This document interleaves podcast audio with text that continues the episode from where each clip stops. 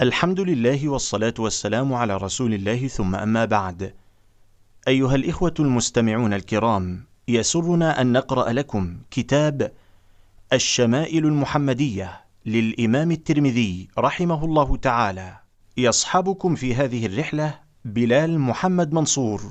الشمائل المحمدية والخصائص المصطفوية وشمائل النبي صلى الله عليه وسلم هو ما يتعلق بصفة النبي صلى الله عليه وسلم الخلقية وشكله الظاهر كلونه وشعره وجسمه وطوله إلى آخره وصفته الخلقية المتمثلة في تواضعه وعلمه وحلمه وحبه وكرهه وعبادته وغيرها من الصفات.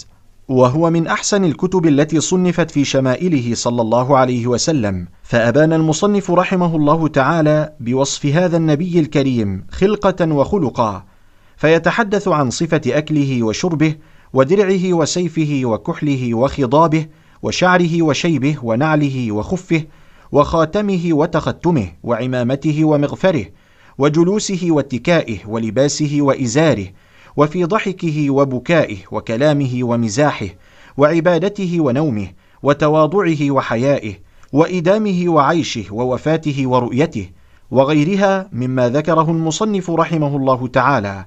فحري بنا التشبه بهذا النبي الكريم والتحلي بحليته وشيمه والائتمار بأمره والانتهاء عما نهى عنه وزجر. قال الله تعالى لقد كان لكم في رسول الله أسوة حسنة لمن كان يرجو الله واليوم الآخر وذكر الله كثيرا. نسأل الله تعالى أن يرزقنا حسن اتباعه في الدنيا والفوز بشفاعته في الآخرة. والآن نبدأ معكم الرحلة. فإلى نص الكتاب. بسم الله الرحمن الرحيم. الحمد لله وسلام على عباده الذين اصطفى. قال الشيخ الحافظ أبو عيسى محمد بن عيسى ابن سورة الترمذي رحمة الله عليه. باب ما جاء في خلق رسول الله صلى الله عليه وسلم. أخبرنا أبو رجاء قتيبة بن سعيد عن مالك بن أنس عن ربيعة بن أبي عبد الرحمن عن أنس بن مالك أنه سمعه يقول كان رسول الله صلى الله عليه وسلم ليس بالطويل البائن ولا بالقصير ولا بالأبيض الأمهق ولا بالآدم ولا بالجعد القطط ولا بالسبط بعثه الله تعالى على رأس أربعين سنة فأقام بمكة عشر سنين وبالمدينة عشر سنين فتوفاه الله تعالى على رأس ستين سنة وليس في رأسه ولحيته عشرون شعرة بيضاء. حدثنا حميد بن مسعدة البصري حدثنا عبد الوهاب الثقفي عن حميد عن أنس بن مالك قال كان رسول الله صلى الله عليه وسلم ربعة وليس بالطويل ولا بالقصير حسن الجسم وكان شعره ليس بجعد ولا سبط. أسمر اللون إذا مشى يتكفأ. حدثنا محمد بن بشار يعني العبدي حدثنا محمد بن جعفر حدثنا شعبة عن أبي إسحاق قال سمعت البراء بن عازب يقول كان رسول الله صلى الله عليه وسلم رجلا مربوعا بعيد ما بين المنكبين عظيم الجمة إلى شحمة أذنيه عليه حلة حمراء ما رأيت شيئا قط أحسن منه. حدثنا محمود بن غيلان حدثنا وكيع حدثنا سفيان الثوري عن أبي إسحاق عن البراء بن عازب قال ما رأيت من ذي لمة في حلة حمراء أحسن من رسول الله صلى الله عليه وسلم. له شعر يضرب منكبيه بعيد ما بين المنكبين. لم يكن بالقصير ولا بالطويل. حدثنا محمد بن إسماعيل حدثنا أبو نعيم. حدثنا المسعودي عن عثمان ابن مسلم ابن هرمز عن نافع بن جبير بن مطعم عن علي بن أبي طالب رضي الله عنه قال: لم يكن النبي صلى الله عليه وسلم بالطويل ولا بالقصير، شثن الكفين والقدمين، ضخم الرأس، ضخم الكراديس، طويل المسربة، إذا مشى تكفأ تكفؤا كأنما ينحط من صبب، لم أر قبله ولا بعده مثله صلى الله عليه وسلم. حدثنا سفيان بن وكيع حدثنا أبي عن المسعودي بهذا الإسناد نحوه بمعناه. حدثنا أحمد بن عبدة الضبي البصري وعلي بن حجر وأبو جعفر محمد بن الحسين وهو ابن أبي حليمة والمعنى واحد. قالوا حدثنا عيسى بن يونس عن عمر بن عبد الله مولى غفرة قال حدثني إبراهيم بن محمد من ولد علي بن أبي طالب رضي الله عنه قال كان علي إذا وصف رسول الله صلى الله عليه وسلم قال لم يكن رسول الله صلى الله عليه وسلم بالطويل الممغط ولا بالقصير المتردد وكان ربعة من القوم. لم يكن بالجعد القطط ولا بالسبط كان جعدا رجلا. ولم يكن بالمطهم ولا بالمكلثم وكان في وجهه تدوير. أبيض مشرب أدعج العينين أهدب الأشفار. جليل المشاش والكتد أجرد. ذو مسربة شثن الكفين والقدمين. إذا مشى تقلع كأنما ينحط في صبب وإذا التفت التفت معه. بين كتفيه خاتم النبوة وهو خاتم النبيين. أجود الناس صدرا وأصدق الناس لهجة وألينهم عريكة وأكرمهم عشيرة. من رآه بديهة هابة ومن خالطه معرفة أحبة. يقول ناعته لم أر قبله ولا بعده مثله صلى الله عليه وسلم.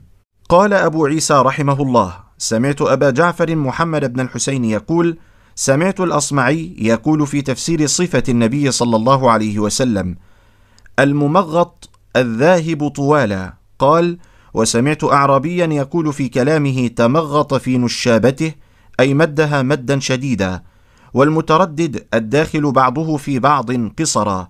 وأما القطط فالشديد الجعوده والرجل الذي في شعره حجونة أي تثن قليل. وأما المطهم فالبادن الكثير اللحم والمكلثم المدور الوجه والمشرب الذي في بياضه حمرة والأدعج الشديد سواد العين والأهدب الطويل الأشفار والكتد مجتمع الكتفين وهو الكاهل. والمسربة هو الشعر الدقيق الذي كأنه قضيب من الصدر إلى السرة. والشثن الغليظ الأصابع من الكفين والقدمين والتقلع أن يمشي بقوة والصبب الحدور تقول انحدرنا في صبوب وصبب وقوله جليل المشاشي يريد رؤوس المناكب والعشرة الصحبة والعشير الصاحب والبديهة المفاجأة يقال بدهته بأمر أي فجأته حدثنا سفيان بن وكيع قال حدثنا جميع بن عمير ابن عبد الرحمن العجلي إملاء علينا من كتابه قال أخبرني رجل من بني تميم من ولد أبي هالة زوج خديجة يكنى أبا عبد الله عن ابن لأبي هالة عن الحسن بن علي رضي الله عنهما قال سألت خالي هند بن أبي هالة وكان وصافا عن حلية رسول الله صلى الله عليه وسلم وأنا أشتهي أن يصف لي منها شيئا أتعلق به. فقال كان رسول الله صلى الله عليه وسلم فخما مفخما يتلألأ وجهه تلألؤ القمر ليلة البدر أطول من المربوع وأقصر من المشذب عظيم الهامة رجل الشعر. إن انفرقت عقيقته فرق وإلا فلا يجاوز شعره شحمة أذنيه إذا هو وفره. أزهر اللون واسع الجبين أزج الحواجب سوابغ من غير قرن بينهما عرق يدره الغضب أقنى العرنين له نور يعلوه يحسبه من لم يتأمله أشم كث اللحية سهل الخدين ضليع الفم مفلج الأسنان دقيق المسربة كأن عنقه جيد دمية في صفاء الفضة معتدل الخلق بادن متماسك سواء البطن والصدر عريض الصدر بعيد ما بين المنكبين. ضخم الكراديس. أنور المتجرد موصول ما بين اللبة والسرة بشعر يجري كالخط. عاري الثديين والبطن مما سوى ذلك. أشعر الذراعين والمنكبين وأعالي الصدر. طويل الزندين. رحب الراحة. شثن الكفين والقدمين. سائل الأطراف أو قال شائل الأطراف خمصان الأخمصين. مسيح القدمين. ينبو عنهما الماء. إذا زال زال قلعا يخطو تكفيا ويمشي هونا ذريع المشية. إذا مشى كأنما ينحط من صبب وإذا التفت التفت خافض الطرف نظره إلى الأرض أكثر من نظره إلى السماء. جل نظره الملاحظة يسوق أصحابه ويبدأ من لقي بالسلام. حدثنا أبو موسى محمد بن المثنى حدثنا محمد بن جعفر حدثنا شعبة عن سماك بن حرب قال سمعت جابر بن سمرة يقول كان رسول الله صلى الله عليه وسلم ضليع الفم أشكل العين منهوس العقب. قال شعبة قلت لسماك ما ضليع الفم؟ قال عظيم الفم. قلت ما أشكل العين؟ قال طويل شق العين. قلت ما منهوس العقب؟ قال قليل لحم العقب. حدثنا هناد بن السري حدثنا عبثر بن القاسم عن أشعث يعني بن سوار عن أبي إسحاق عن جابر بن سمرة قال رأيت رسول الله صلى الله عليه وسلم في ليلة إضحيان وعليه حلة حمراء فجعلت أنظر إليه وإلى القمر فلهو عندي أحسن من القمر. حدثنا سفيان بن وكيع حدثنا حميد بن عبد الرحمن الرؤاسي عن زهير عن أبي إسحاق قال سأل رجل البراء بن عازب أكان وجه رسول الله صلى الله عليه وسلم مثل السيف؟ قال لا بل مثل القمر. حدثنا أبو داود المصاحفي سليمان بن سلم حدثنا النضر بن شميل عن صالح بن أبي الأخضر عن ابن شهاب عن أبي سلمة عن أبي هريرة رضي الله عنه قال كان رسول الله صلى الله عليه وسلم أبيض كأنما صيغ من فضة رجل الشعر. حدثنا قتيبة بن سعيد قال أنبأنا الليث بن سعد عن أبي الزبير عن جابر بن عبد الله أن رسول الله صلى الله عليه وسلم قال: عرض علي الأنبياء فإذا موسى عليه السلام ضرب من الرجال كأنه من رجال شنوءة ورأيت عيسى ابن مريم عليه السلام فإذا أقرب من رأيت به شبها عروة بن مسعود ورأيت إبراهيم عليه السلام فإذا أقرب من رأيت به شبها صاحبكم يعني نفسه ورأيت جبريل عليه السلام فإذا أقرب من رأيت به شبها دحية. حدثنا سفيان بن وكيع ومحمد بن بشار المعنى واحد قال أنبأنا يزيد بن هارون عن سعيد الجريري قال سمعت أبا الطفيل يقول رأيت النبي صلى الله عليه وسلم وما بقي على وجه الأرض أحد رآه غيري. قلت صفه لي. قال كأن أبيض مليحا مقصدا. حدثنا عبد الله ابن عبد الرحمن. أنبأنا إبراهيم بن المنذر الحزامي. أنبأنا عبد العزيز بن ثابت الزهري. حدثني إسماعيل بن إبراهيم ابن أخي موسى بن عقبة عن موسى بن عقبة عن كريب عن ابن عباس قال: كان رسول الله صلى الله عليه وسلم أفلج الثنيتين، إذا تكلم رؤي كالنور يخرج من بين ثناياه. باب ما جاء في خاتم النبوة. حدثنا قتيبة بن سعيد أنبأنا حاتم بن إسماعيل عن الجعد بن عبد الرحمن قال: سمعت السائب بن يزيد يقول: ذهبت بي خالتي إلى رسول الله صلى الله عليه وسلم فقالت يا رسول الله إن ابن أختي وجع فمسح صلى الله عليه وسلم رأسي ودعا لي بالبركة وتوضأ فشربت من وضوئه وكنت خلف ظهره فنظرت إلى الخاتم بين كتفيه فإذا هو مثل زر الحجلة. حدثنا سعيد بن يعقوب الطالقاني أنبأنا أيوب بن جابر عن سماك بن حرب عن جابر بن سمرة قال: رأيت الخاتم بين كتفي رسول الله صلى الله عليه وسلم غدة حمراء مثل بيضة الحمامة. حدثنا أبو مصعب المدني أنبأنا يوسف بن الماجشون عن أبيه عن عاصم بن عمر بن قتادة عن جدته رميثة قالت: سمعت رسول الله صلى الله عليه وسلم ولو أشاء أن أقبل الخاتم الذي بين كتفيه من قربه لفعلت. يقول لسعد بن معاذ يوم مات اهتز له عرش الرحمن. حدثنا أحمد بن عبدة الضبي وعلي بن حجر وغير واحد قالوا أنبأنا عيسى بن يونس عن عمر بن عبد الله مولى غفرة قال حدثني إبراهيم بن محمد من ولد علي بن أبي طالب رضي الله عنه قال كان علي رضي الله عنه إذا وصف رسول الله صلى الله عليه وسلم فذكر الحديث بطوله وقال بين كتفيه خاتم النبوة وهو خاتم النبيين. حدثنا محمد بن بشار أنبأنا أبو عاصم أنبأنا عزرة بن ثابت قال حدثني علباء بن أحمر اليشكري قال حدثني أبو زيد عمر بن أخطب الأنصاري قال قال لي رسول الله صلى الله عليه وسلم يا أبا زيد أدن مني فامسح ظهري. فمسحت ظهره فوقعت أصابعي على الخاتم. قلت وما الخاتم؟ قال شعرات مجتمعات. حدثنا أبو عمار الحسين بن حريث الخزاعي أنبأنا علي بن حسين بن واقد حدثني أبي حدثني عبد الله بن بريدة قال سمعت أبي بريدة يقول جاء سلمان الفارسي إلى رسول الله صلى الله عليه وسلم حين قدم المدينة بمائدة عليها رطب فوضعها بين يدي رسول الله صلى الله عليه وسلم. فقال يا سلمان ما هذا؟ فقال صدقة عليك وعلى أصحابك. فقال ارفعها فإنا لا نأكل الصدقة. قال فرفعها. فجاء الغد بمثله فوضعه بين يدي رسول الله صلى الله عليه وسلم. فقال ما هذا يا سلمان؟ فقال هدية لك. فقال رسول الله صلى الله عليه وسلم لأصحابه أبسطوا. ثم نظر إلى الخاتم على ظهر رسول الله صلى الله عليه وسلم فآمن به. وكان لليهود فاشتراه رسول الله صلى الله عليه وسلم بكذا وكذا درهما على أن يغرس لهم نخلا فيعمل سلمان فيه حتى تطعم. فغرس رسول الله صلى الله عليه وسلم النخيل إلا نخلة واحدة غرسها عمر رضي الله عنه. فحملت النخل من عامها ولم تحمل نخلة. فقال رسول الله صلى الله عليه وسلم ما شأن هذه النخلة؟ فقال عمر يا رسول الله أنا غرستها. فنزعها رسول الله صلى الله عليه وسلم فغرسها فحملت من عامها.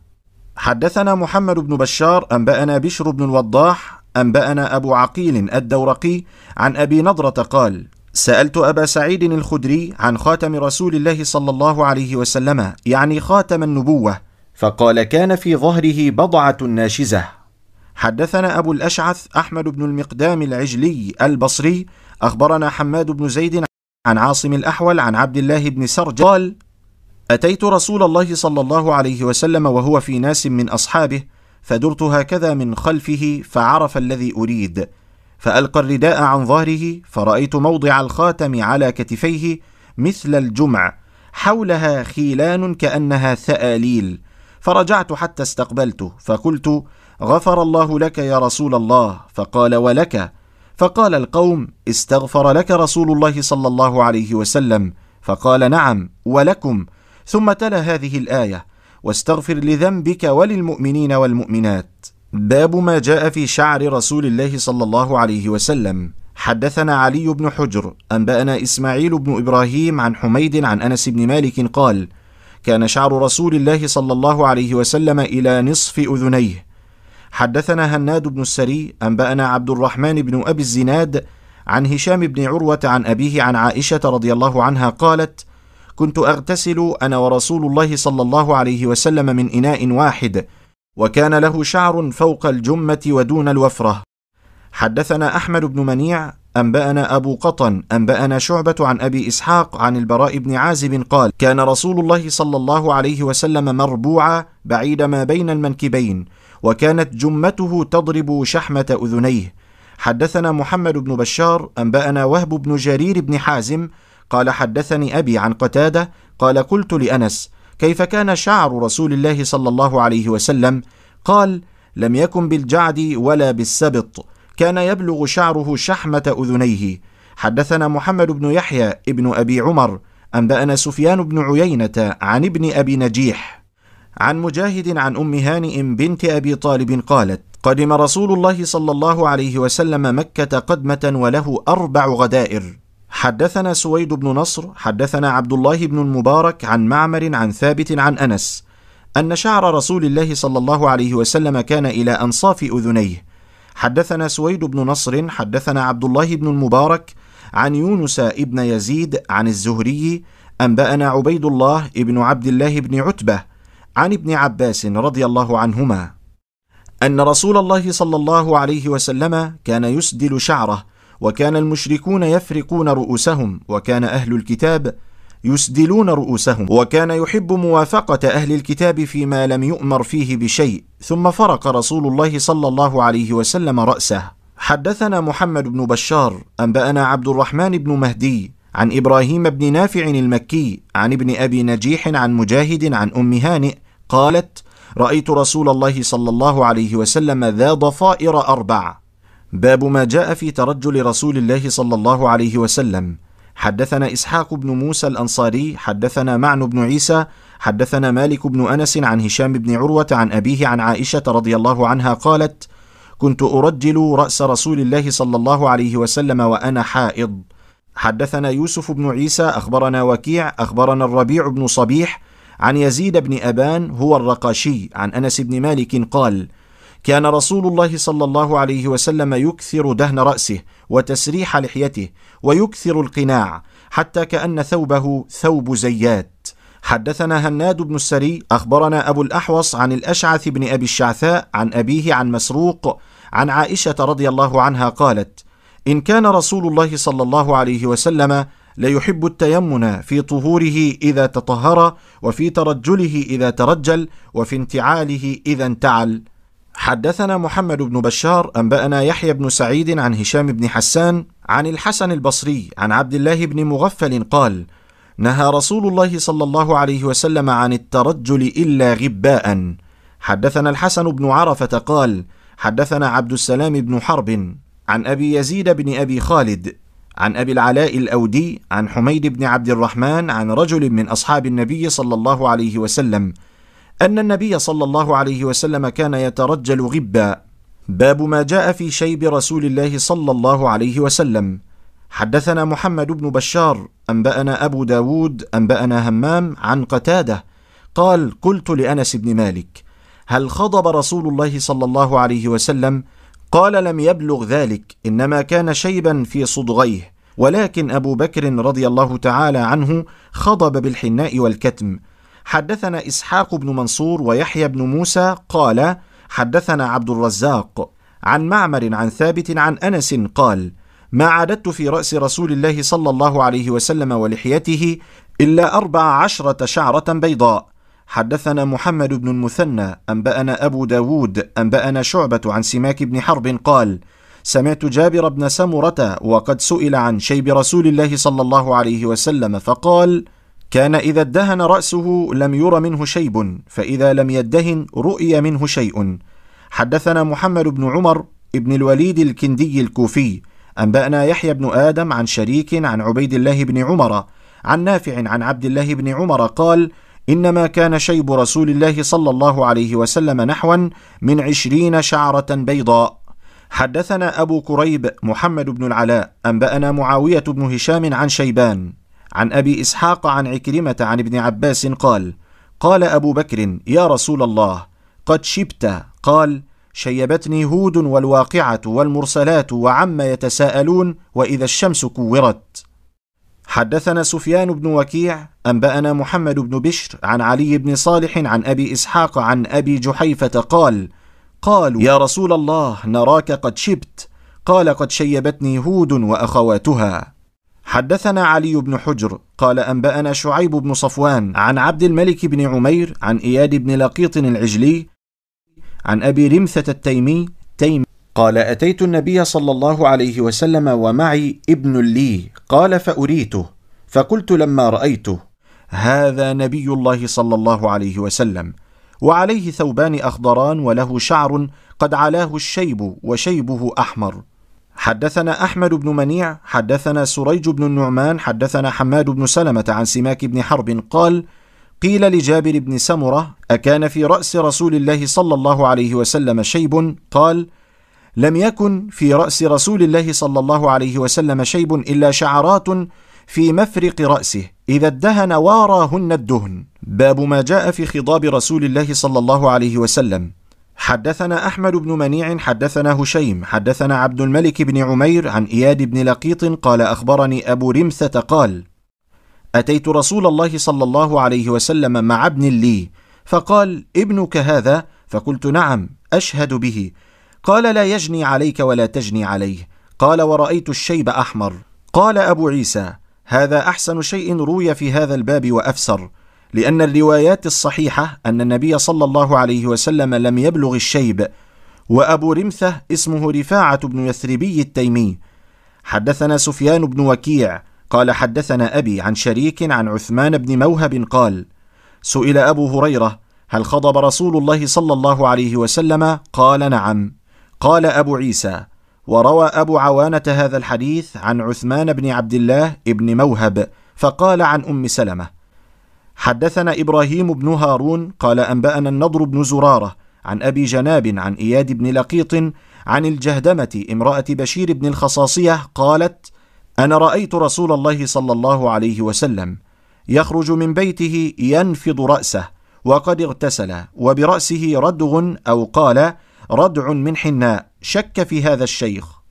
حدثنا عبد الله بن عبد الرحمن حدثنا عمرو بن عاصم حدثنا حماد بن سلمة حدثنا حميد عن أنس قال رأيت شعر رسول الله صلى الله عليه وسلم مخضوبا. قال حماد وعبد الله بن محمد بن عقيل قال رأيت شعر رسول الله صلى الله عليه وسلم عند أنس بن مالك مخضوبا. باب ما جاء في كحل رسول الله صلى الله عليه وسلم. حدثنا محمد بن حميد الرازي أنبأنا أبو داود الطيالسي عن عباد بن منصور عن عكرمة عن ابن عباس رضي الله عنهما أن النبي صلى الله عليه وسلم قال اكتحلوا بالإثمد فإنه يجلو البصر وينبت الشعر. وزعم أن النبي صلى الله عليه وسلم له مكحلة يكتحل منها كل ليلة ثلاثة في هذه وثلاثة في هذه. حدثنا عبد الله ابن الصباح الهاشمي البصري حدثنا عبيد الله ابن موسى أنبأنا إسرائيل عن عباد بن منصور حاء وحدثنا علي بن حجر حدثنا يزيد بن هارون حدثنا عباد بن منصور عن عكرمة عن ابن عباس قال كان النبي صلى الله عليه وسلم يكتحل قبل أن ينام بالإثمد ثلاثا في كل عين. وقال يزيد بن هارون في حديثه إن النبي صلى الله عليه وسلم كانت له مكحلة يكتحل منها عند النوم ثلاثا في كل عين. حدثنا أحمد بن منيع حدثنا محمد بن يزيد عن محمد بن إسحاق عن محمد بن المنكدر عن جابر قال قال رسول الله صلى الله عليه وسلم عليكم بالإثمد عند النوم فإنه يجلو البصر وينبت الشعر. حدثنا قتيبة بن سعيد قال بشر بن المفضل عن عبد الله بن عثمان بن خثيم عن سعيد بن جبير عن ابن عباس رضي الله عنهما قال قال رسول الله صلى الله عليه وسلم إن خير أكحالكم الإثمد يجلو البصر وينبت الشعر. حدثنا إبراهيم بن المستمر البصري حدثنا أبو عاصم عن عثمان بن عبد الملك عن سالم عن ابن عمر قال قال رسول الله صلى الله عليه وسلم عليكم بالإثمد فإنه يجلو البصر وينبت الشعر. باب ما جاء في لباس رسول الله صلى الله عليه وسلم. حدثنا محمد بن حميد الرازي حدثنا الفضل بن موسى وأبو تميلة وزيد بن حباب.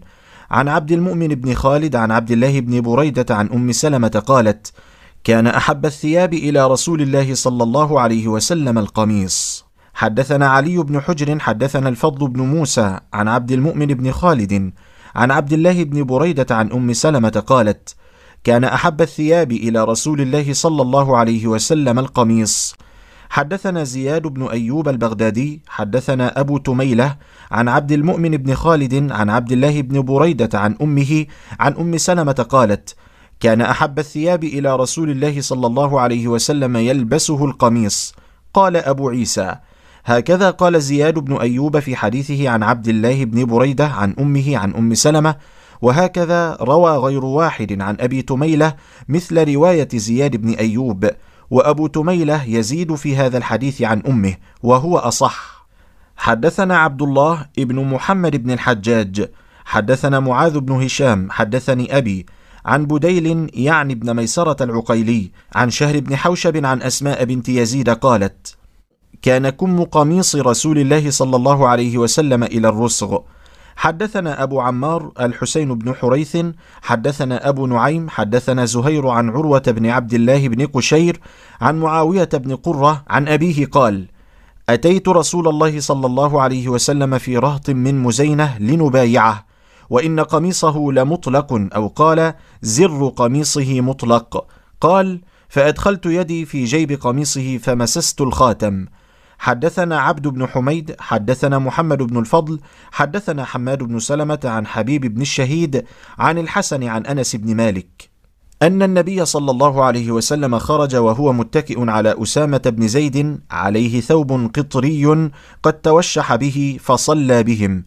قال عبد بن حميد قال محمد بن الفضل سألني يحيى بن معين عن هذا الحديث أول ما جلس إلي فقلت حدثنا حماد بن سلمة فقال لو كان من كتابك فقمت لأخرج كتابي فقبض على ثوبي ثم قال أمله علي فإني أخاف ألا ألقاك. قال فأمليته عليه ثم أخرجت كتابي فقرأت عليه.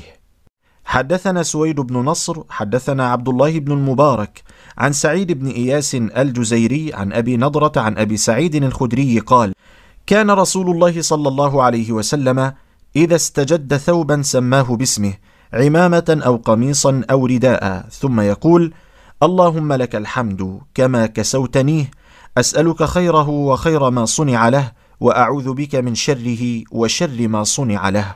حدثنا هشام بن يونس الكوفي أنبأنا القاسم بن مالك المزني عن الجريري عن أبي نضرة عن أبي سعيد الخدري عن النبي صلى الله عليه وسلم نحوه.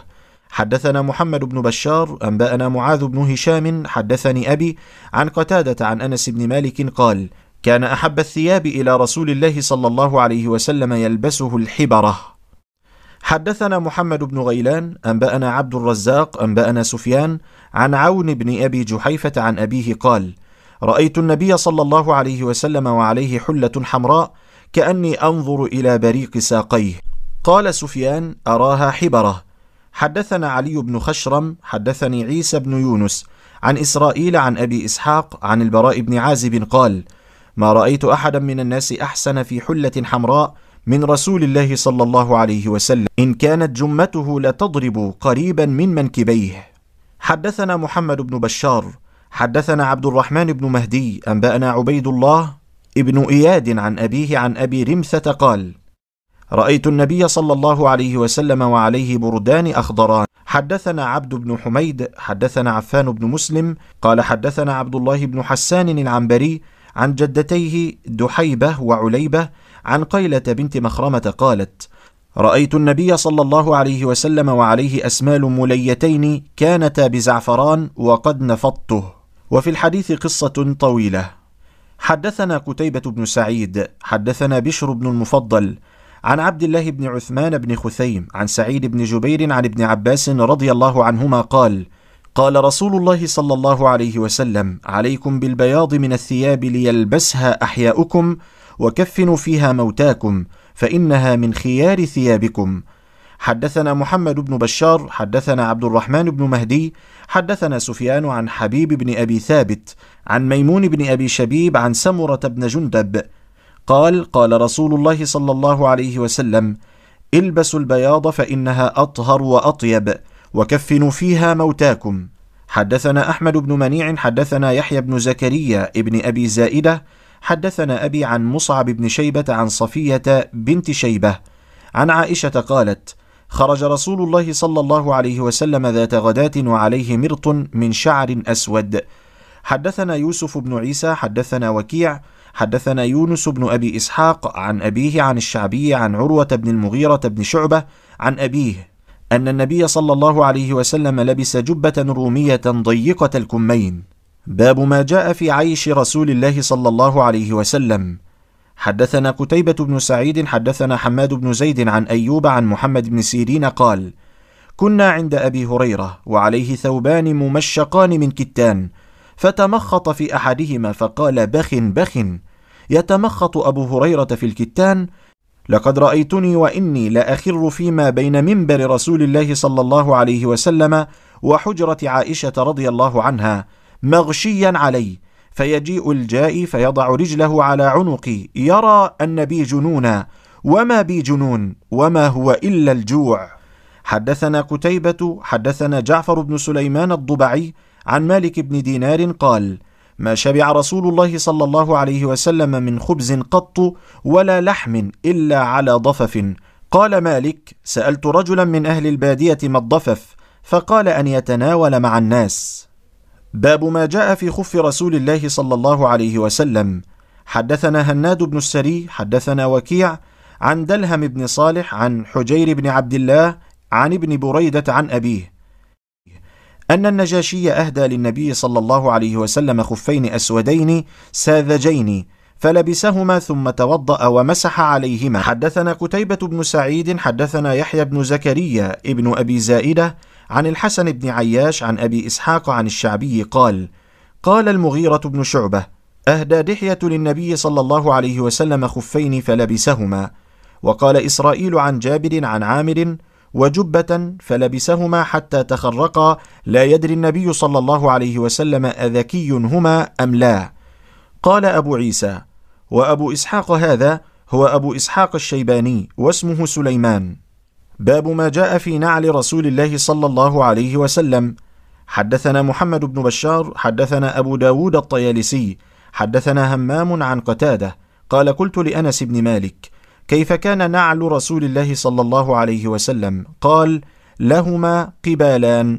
حدثنا أبو كريب محمد بن العلاء حدثنا وكيع عن سفيان عن خالد الحذاء عن عبد الله بن الحارث عن ابن عباس قال كان لنعل رسول الله صلى الله عليه وسلم قبالان مثني شراكهما.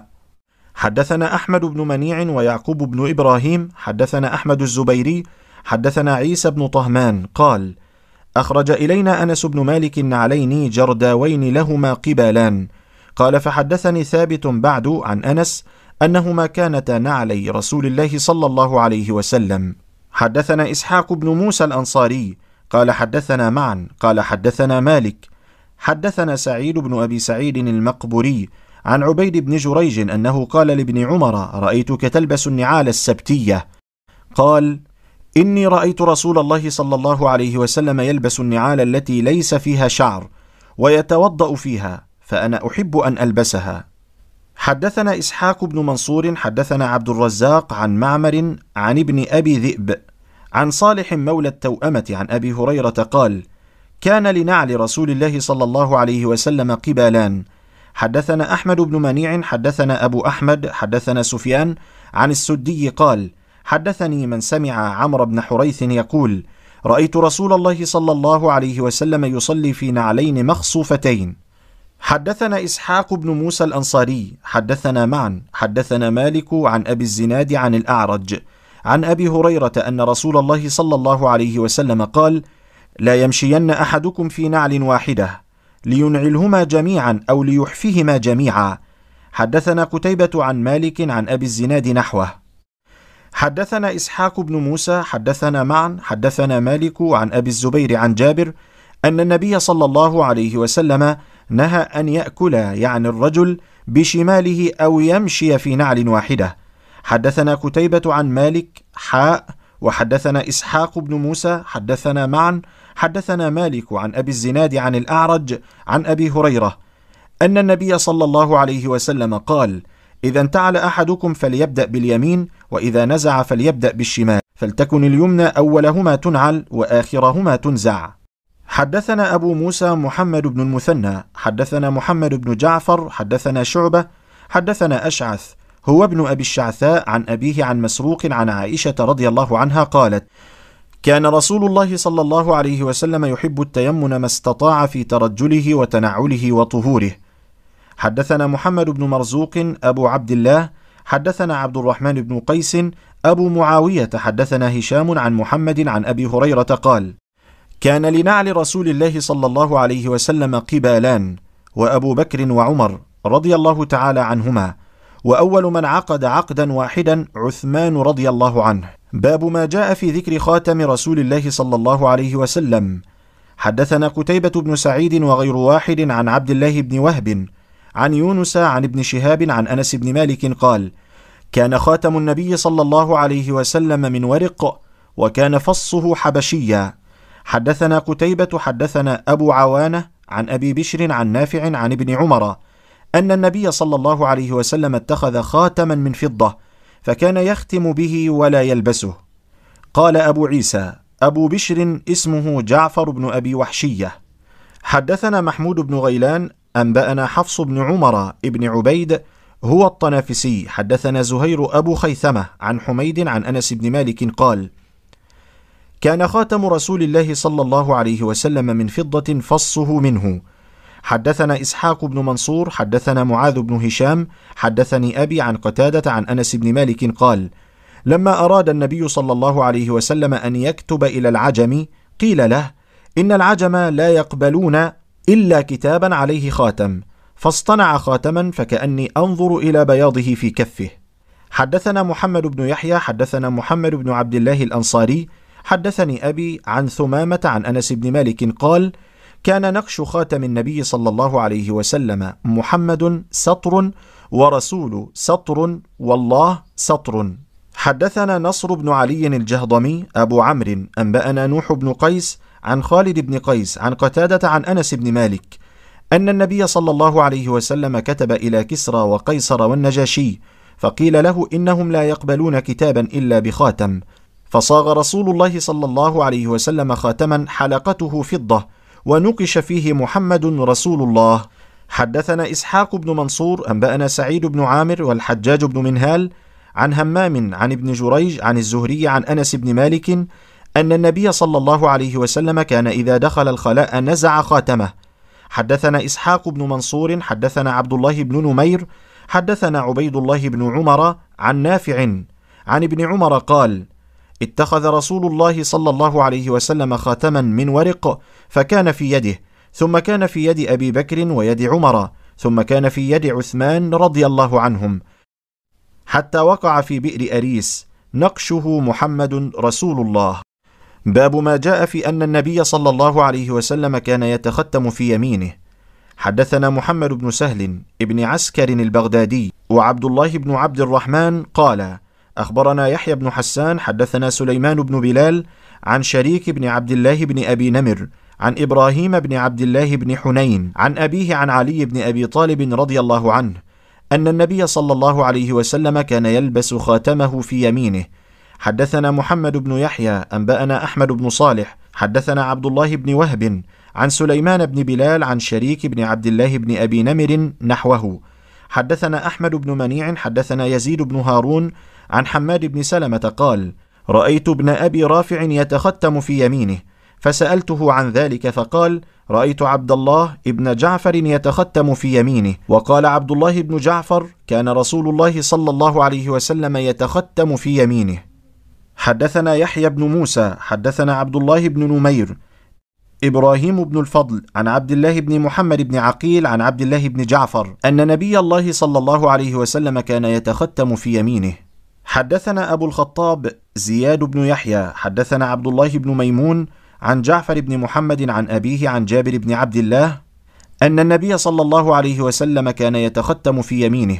حدثنا محمد بن حميد الرازي حدثنا جرير عن محمد بن إسحاق عن الصلت بن عبد الله قال كان ابن عباس يتختم في يمينه ولا إخاله إلا قال كان رسول الله صلى الله عليه وسلم يتختم في يمينه. حدثنا محمد بن عمر حدثنا سفيان عن أيوب بن موسى عن موسى عن نافع عن ابن عمر أن النبي صلى الله عليه وسلم اتخذ خاتما من فضة وجعل فصه مما يلي كفه ونقش فيه محمد رسول الله ونهى أن ينقش أحد عليه وهو الذي سقط من معيقيب في بئر أريس. حدثنا قتيبة بن سعيد حدثنا حاتم بن إسماعيل عن جعفر بن محمد عن أبيه قال كان الحسن والحسين رضي الله عنهما يتختمان في يسارهما. حدثنا عبد الله بن عبد الرحمن حدثنا محمد بن عيسى وهو ابن الطباع حدثنا عباد بن العوام عن سعيد بن أبي عروبة عن قتادة عن أنس بن مالك أن النبي صلى الله عليه وسلم كان يتختم في يمينه. قال أبو عيسى هذا حديث غريب لا نعرفه من حديث سعيد بن أبي عروبة عن قتادة عن أنس عن النبي صلى الله عليه وسلم نحو هذا إلا من هذا الوجه. وروى بعض أصحاب قتادة عن قتادة عن أنس بن مالك عن النبي صلى الله عليه وسلم أنه كان يتختم في يساره وهو حديث لا يصح أيضا. حدثنا محمد بن عبيد الله المحاربي حدثنا عبد العزيز بن أبي حازم عن موسى بن عقبة عن نافع عن ابن عمر قال اتخذ رسول الله صلى الله عليه وسلم خاتما من ذهب فكان يلبسه في يمينه فاتخذ الناس خواتيم من ذهب فطرحه رسول الله صلى الله عليه وسلم وقال لا ألبسه أبدا فطرح الناس خواتيمهم. باب ما جاء في صفة سيف رسول الله صلى الله عليه وسلم.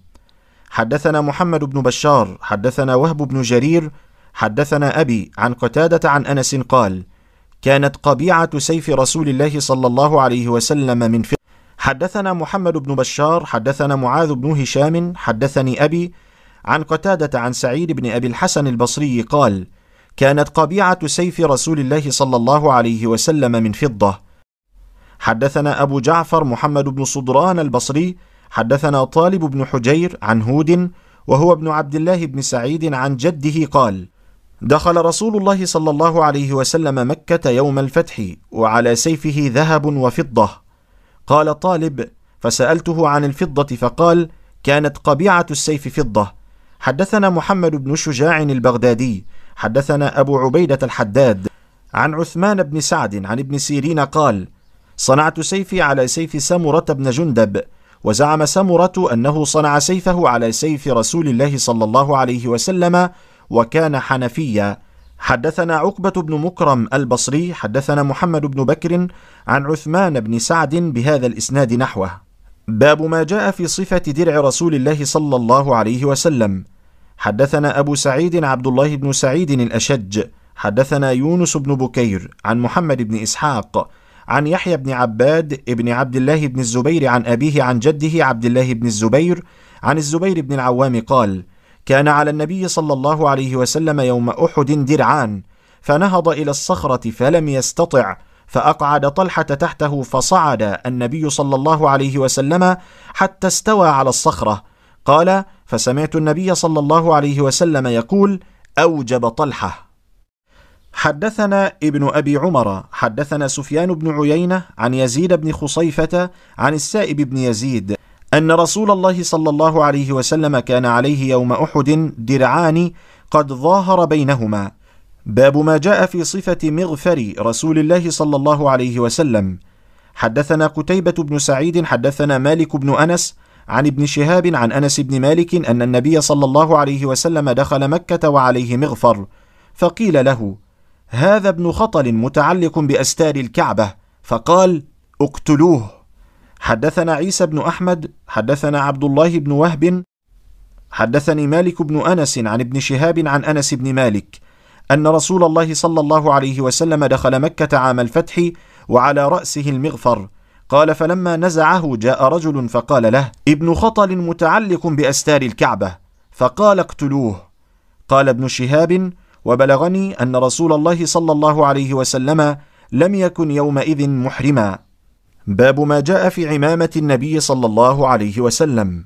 حدثنا محمد بن بشار حدثنا عبد الرحمن بن مهدي عن حماد بن سلمة حاء وحدثنا محمود بن غيلان حدثنا وكيع عن حماد بن سلمة عن أبي الزبير عن جابر قال دخل النبي صلى الله عليه وسلم مكة يوم الفتح وعليه عمامة سوداء.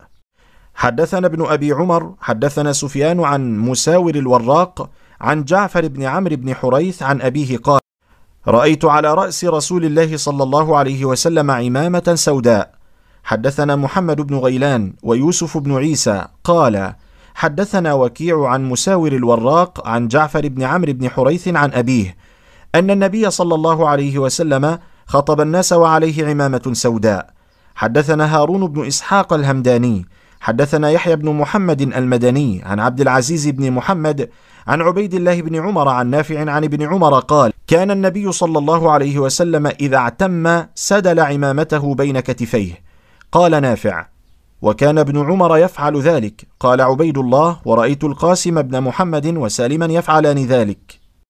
حدثنا يوسف بن عيسى حدثنا وكيع حدثنا أبو سليمان وهو عبد الرحمن بن الغسيل عن عكرمة عن ابن عباس رضي الله عنهما أن النبي صلى الله عليه وسلم خطب الناس وعليه عصابة دسماء. باب ما جاء في صفة إزار رسول الله صلى الله عليه وسلم. حدثنا أحمد بن منيع حدثنا إسماعيل بن إبراهيم حدثنا أيوب عن حميد بن هلال عن أبي بردة عن أبيه قال أخرجت إلينا عائشة رضي الله عنها كساء ملبدا وإزارا غليظا فقالت قبض روح رسول الله صلى الله عليه وسلم في هذين. حدثنا محمود بن غيلان حدثنا أبو داود عن شعبة عن الأشعث بن سليم قال سمعت عمتي تحدث عن عمها قال بينا أنا أمشي بالمدينة إذا إنسان خلفي يقول ارفع إزارك فإنه أتقى وأبقى. فالتفت فإذا هو رسول الله صلى الله عليه وسلم فقلت يا رسول الله إنما هي بردة ملحاء قال أما لك في أسوة؟ فنظرت فإذا إزاره إلى نصف ساقيه. حدثنا سويد بن نصر حدثنا عبد الله بن المبارك عن موسى بن عبيدة عن إياس بن سلمة ابن الأكوع عن أبيه قال كان عثمان بن عفان يأتزر إلى أنصاف ساقيه.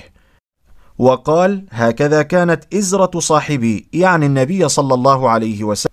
حدثنا كتيبة بن سعيد حدثنا أبو الأحوص عن أبي إسحاق عن مسلم بن نذير عن حذيفة بن اليمان قال: أخذ رسول الله صلى الله عليه وسلم بعضلة ساق أو ساقه فقال هذا موضع الإزار فإن أبيت فأسفل فإن أبيت فلا حق للإزار في الكعبين. باب ما جاء في مشية رسول الله صلى الله عليه وسلم. حدثنا كتيبة بن سعيد حدثنا ابن لهيعة عن أبي يونس عن أبي هريرة قال ما رأيت شيئا أحسن من رسول الله صلى الله عليه وسلم كأن الشمس تجري في وجهه وما رأيت احدا أسرع في مشيته من رسول الله صلى الله عليه وسلم كأنما الأرض تطوى له إنا لنجهد أنفسنا وإنه لغير مكترث. حدثنا علي بن حجر وغير واحد قالوا حدثنا عيسى بن يونس عن عمر بن عبد الله مولى غفرة حدثني إبراهيم بن محمد من ولد علي بن أبي طالب قال كان علي إذا وصف النبي صلى الله عليه وسلم قال كان إذا مشى تقلع كأنما ينحط من صبب. حدثنا سفيان بن وكيع قال حدثنا أبي عن المسعودي عن عثمان بن مسلم بن هرمز عن نافع بن جبير بن مطعم عن علي بن أبي طالب كرم الله وجهه قال كان رسول الله صلى الله عليه وسلم إذا مشى تكفأ تكفؤا كأنما ينحط من صبب. باب ما جاء في تقنع رسول الله صلى الله عليه وسلم. حدثنا يوسف بن عيسى حدثنا وكيع حدثنا الربيع بن صبيح عن يزيد بن أبان عن أنس بن مالك قال كان رسول الله صلى الله عليه وسلم يكثر القناع كأن ثوبه ثوب زيات. باب ما جاء في جلسة رسول الله صلى الله عليه وسلم. حدثنا عبد بن حميد أنبأنا عفان بن مسلم أنبأنا عبد الله بن حسان عن جدتيه عن قيلة بنت مخرمة أنها رأت رسول الله صلى الله عليه وسلم في المسجد وهو قاعد القرفصاء قالت فلما رأيت رسول الله صلى الله عليه وسلم المتخشع في الجلسة أرعدت من الفرق. حدثنا سعيد بن عبد الرحمن المخزومي وغير واحد قالوا حدثنا سفيان عن الزهري عن عباد بن تميم عن عمه أنه رأى النبي صلى الله عليه وسلم مستلقيا في المسجد واضعا إحدى رجليه على الأخرى. حدثنا سلمة بن شبيب أنبأنا عبد الله بن إبراهيم المدني أنبأنا إسحاق بن محمد الأنصاري عن ربيح بن عبد الرحمن بن أبي سعيد عن أبيه عن جده أبي سعيد الخدري قال كان رسول الله صلى الله عليه وسلم إذا جلس في المسجد احتبى بيديه باب ما جاء في تكأة رسول الله صلى الله عليه وسلم. حدثنا عباس بن محمد الدوري البغدادي. حدثنا إسحاق بن منصور عن إسرائيل عن سماك بن حرب عن جابر بن سمرة قال رأيت رسول الله صلى الله عليه وسلم متكئا على وسادة على يساره. حدثنا حميد بن مسعدة حدثنا بشر بن المفضل حدثنا الجريري عن عبد الرحمن بن أبي بكرة عن أبيه قال قال رسول الله صلى الله عليه وسلم ألا أحدثكم بأكبر الكبائر؟ قالوا بلى يا رسول الله. قال الإشراك بالله وعقوق الوالدين. قال وجلس رسول الله صلى الله عليه وسلم وكان متكئا. قال وشهادة الزور أو قول الزور. قال فما زال رسول الله صلى الله عليه وسلم يقولها حتى قلنا ليته سكت. حدثنا قتيبة بن سعيد حدثنا شريك عن علي بن الأقمر عن أبي جحيفة قال قال رسول الله صلى الله عليه وسلم أما أنا فلا آكل متكئا. حدثنا محمد بن بشار حدثنا عبد الرحمن بن مهدي حدثنا سفيان عن علي بن الأقمر. قال سمعت أبا جحيفة يقول قال رسول الله صلى الله عليه وسلم لا آكل متكئا. حدثنا يوسف بن عيسى حدثنا وكيع حدثنا إسرائيل عن سماك بن حرب عن جابر بن سمرة قال رأيت النبي صلى الله عليه وسلم متكئا على وسادة. قال أبو عيسى لم يذكر وكيع على يساره وهكذا روى غير واحد عن إسرائيل نحو رواية وكيع. ولا نعلم أحدا روى فيه على يساره إلا ما روى إسحاق بن منصور عن إسرائيل. باب ما جاء في اتكاء رسول الله صلى الله عليه وسلم.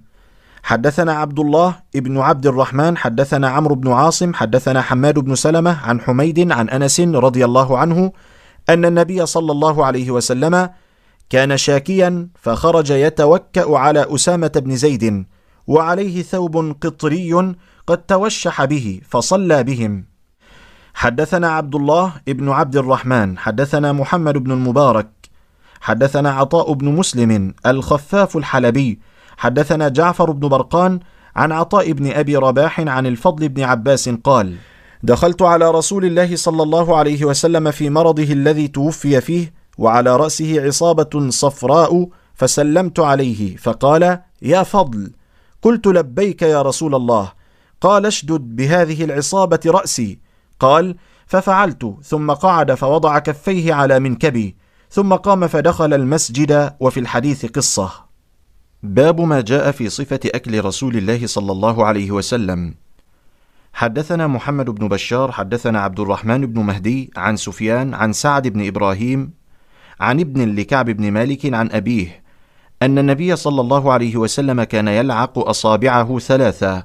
قال أبو عيسى وروى غير محمد بن بشار هذا الحديث قال كان يلعق أصابعه الثلاث. حدثنا الحسن بن علي الخلال حدثنا عفان حدثنا حماد بن سلمة عن ثابت عن أنس قال كان النبي صلى الله عليه وسلم إذا أكل طعاما لعق أصابعه الثلاث. حدثنا الحسين بن علي بن يزيد الصدائي البغدادي حدثنا يعقوب بن إسحاق يعني الحضرمي حدثنا شعبة عن سفيان الثوري عن علي بن الأقمر عن أبي جحيفة قال قال النبي صلى الله عليه وسلم أما أنا فلا آكل متكئا.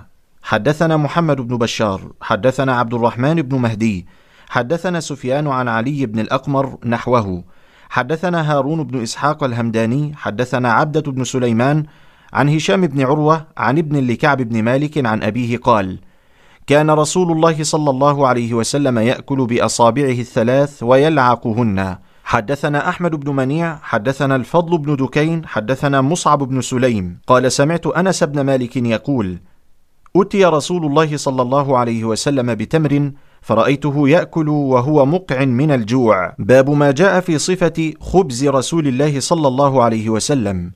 حدثنا محمد بن المثنى ومحمد بن بشار قال حدثنا محمد بن جعفر حدثنا شعبة عن أبي إسحاق قال سمعت عبد الرحمن ابن يزيد يحدث عن الأسود بن يزيد عن عائشة رضي الله عنها قالت ما شبع آل محمد صلى الله عليه وسلم من خبز الشعير يومين متتابعين حتى قبض رسول الله صلى الله عليه وسلم.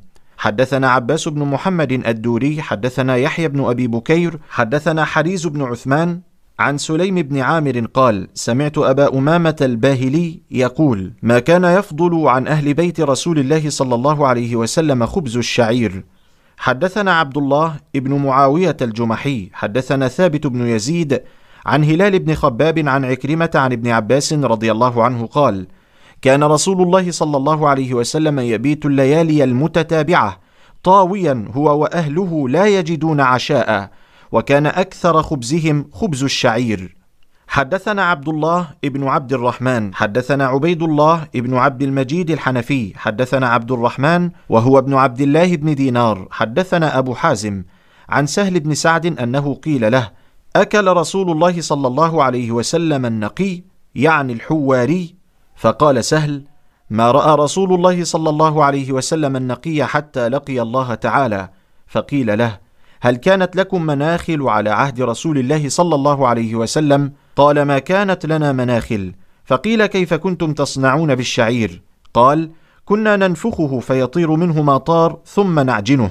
حدثنا محمد بن بشار حدثنا معاذ بن هشام قال حدثني أبي عن يونس عن قتادة عن أنس بن مالك قال ما أكل نبي الله صلى الله عليه وسلم على خوان ولا في سكرجة ولا خبز له مرقق. قال فقلت لقتادة فعلى ما كانوا يأكلون؟ قال على هذه السفر. قال محمد بن بشار يونس هذا الذي روى عن قتادة هو يونس الإسكاف. حدثنا أحمد بن منيع حدثنا عباد بن عباد المهلبي عن مجالد عن الشعبي عن مسروق قال دخلت على عائشة فدعت لي بطعام وقالت ما أشبع من طعام فأشاء أن أبكي إلا بكيت. قال قلت لما؟ قالت أذكر الحال التي فارق عليها رسول الله صلى الله عليه وسلم الدنيا.